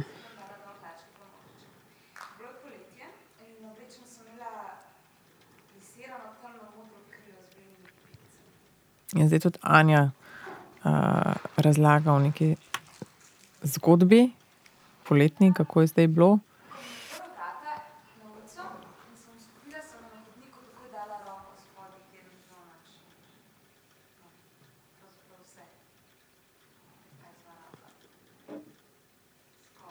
In razlaga o nekem um, zmenku, ki ga je imela poleti z enim tipom. Um, pod oblekco ni imela ničesar, in to je dala to že na začetku vedeti.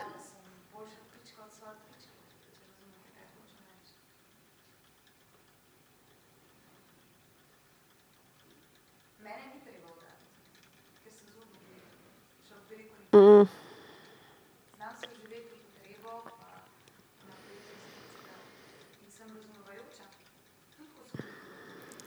Ja. Tu zdaj Anja. Anja našteva cel kup um, pomembnih lastnosti za žensko v nekem heteroseksualnem odnosu, torej biti ubogljiva, um, rada seksa, ni je treba tepst. Super. Ampak govori kot o, o svoji izkušnji, ne? v bistvu, kako ona, ka- kako, kako, je, kako je ona, ja, kakšno pozicijo se ona Tako, tako. postal, ne, ali kako je. Ja, Ampak ne z neko tako ironijo, hecno, da zdaj v bistvu ne znam čisto dobro prebrati. Ja. Je, to, je to zdaj. Ali je res ponosna na to, ali, Ali samo v bistvu polemizira? provocira, Ja, ja, ali ja. zdaj s tem polemizira. Tudi meni to ni čisto jasno. Um,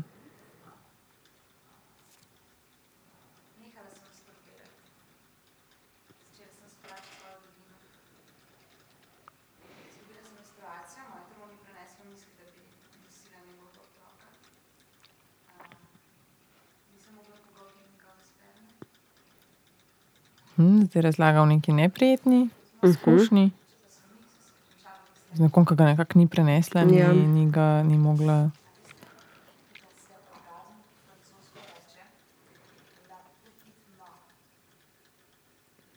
Smrt. In.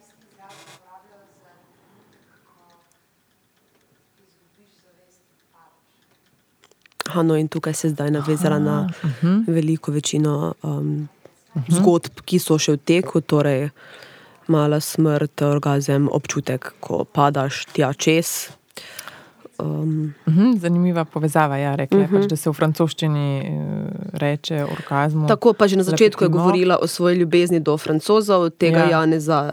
Je Ja, spozna, ja, ja. Oziroma, sta imela ta moment na vlaku ja. v Marseju, oziroma nekje v Provanci. Ja, in zdaj, če gledamo, da se dogaja ta, ta čudež, ta moment ali ta nek trenutek med, vmes, uh Mhm. -huh.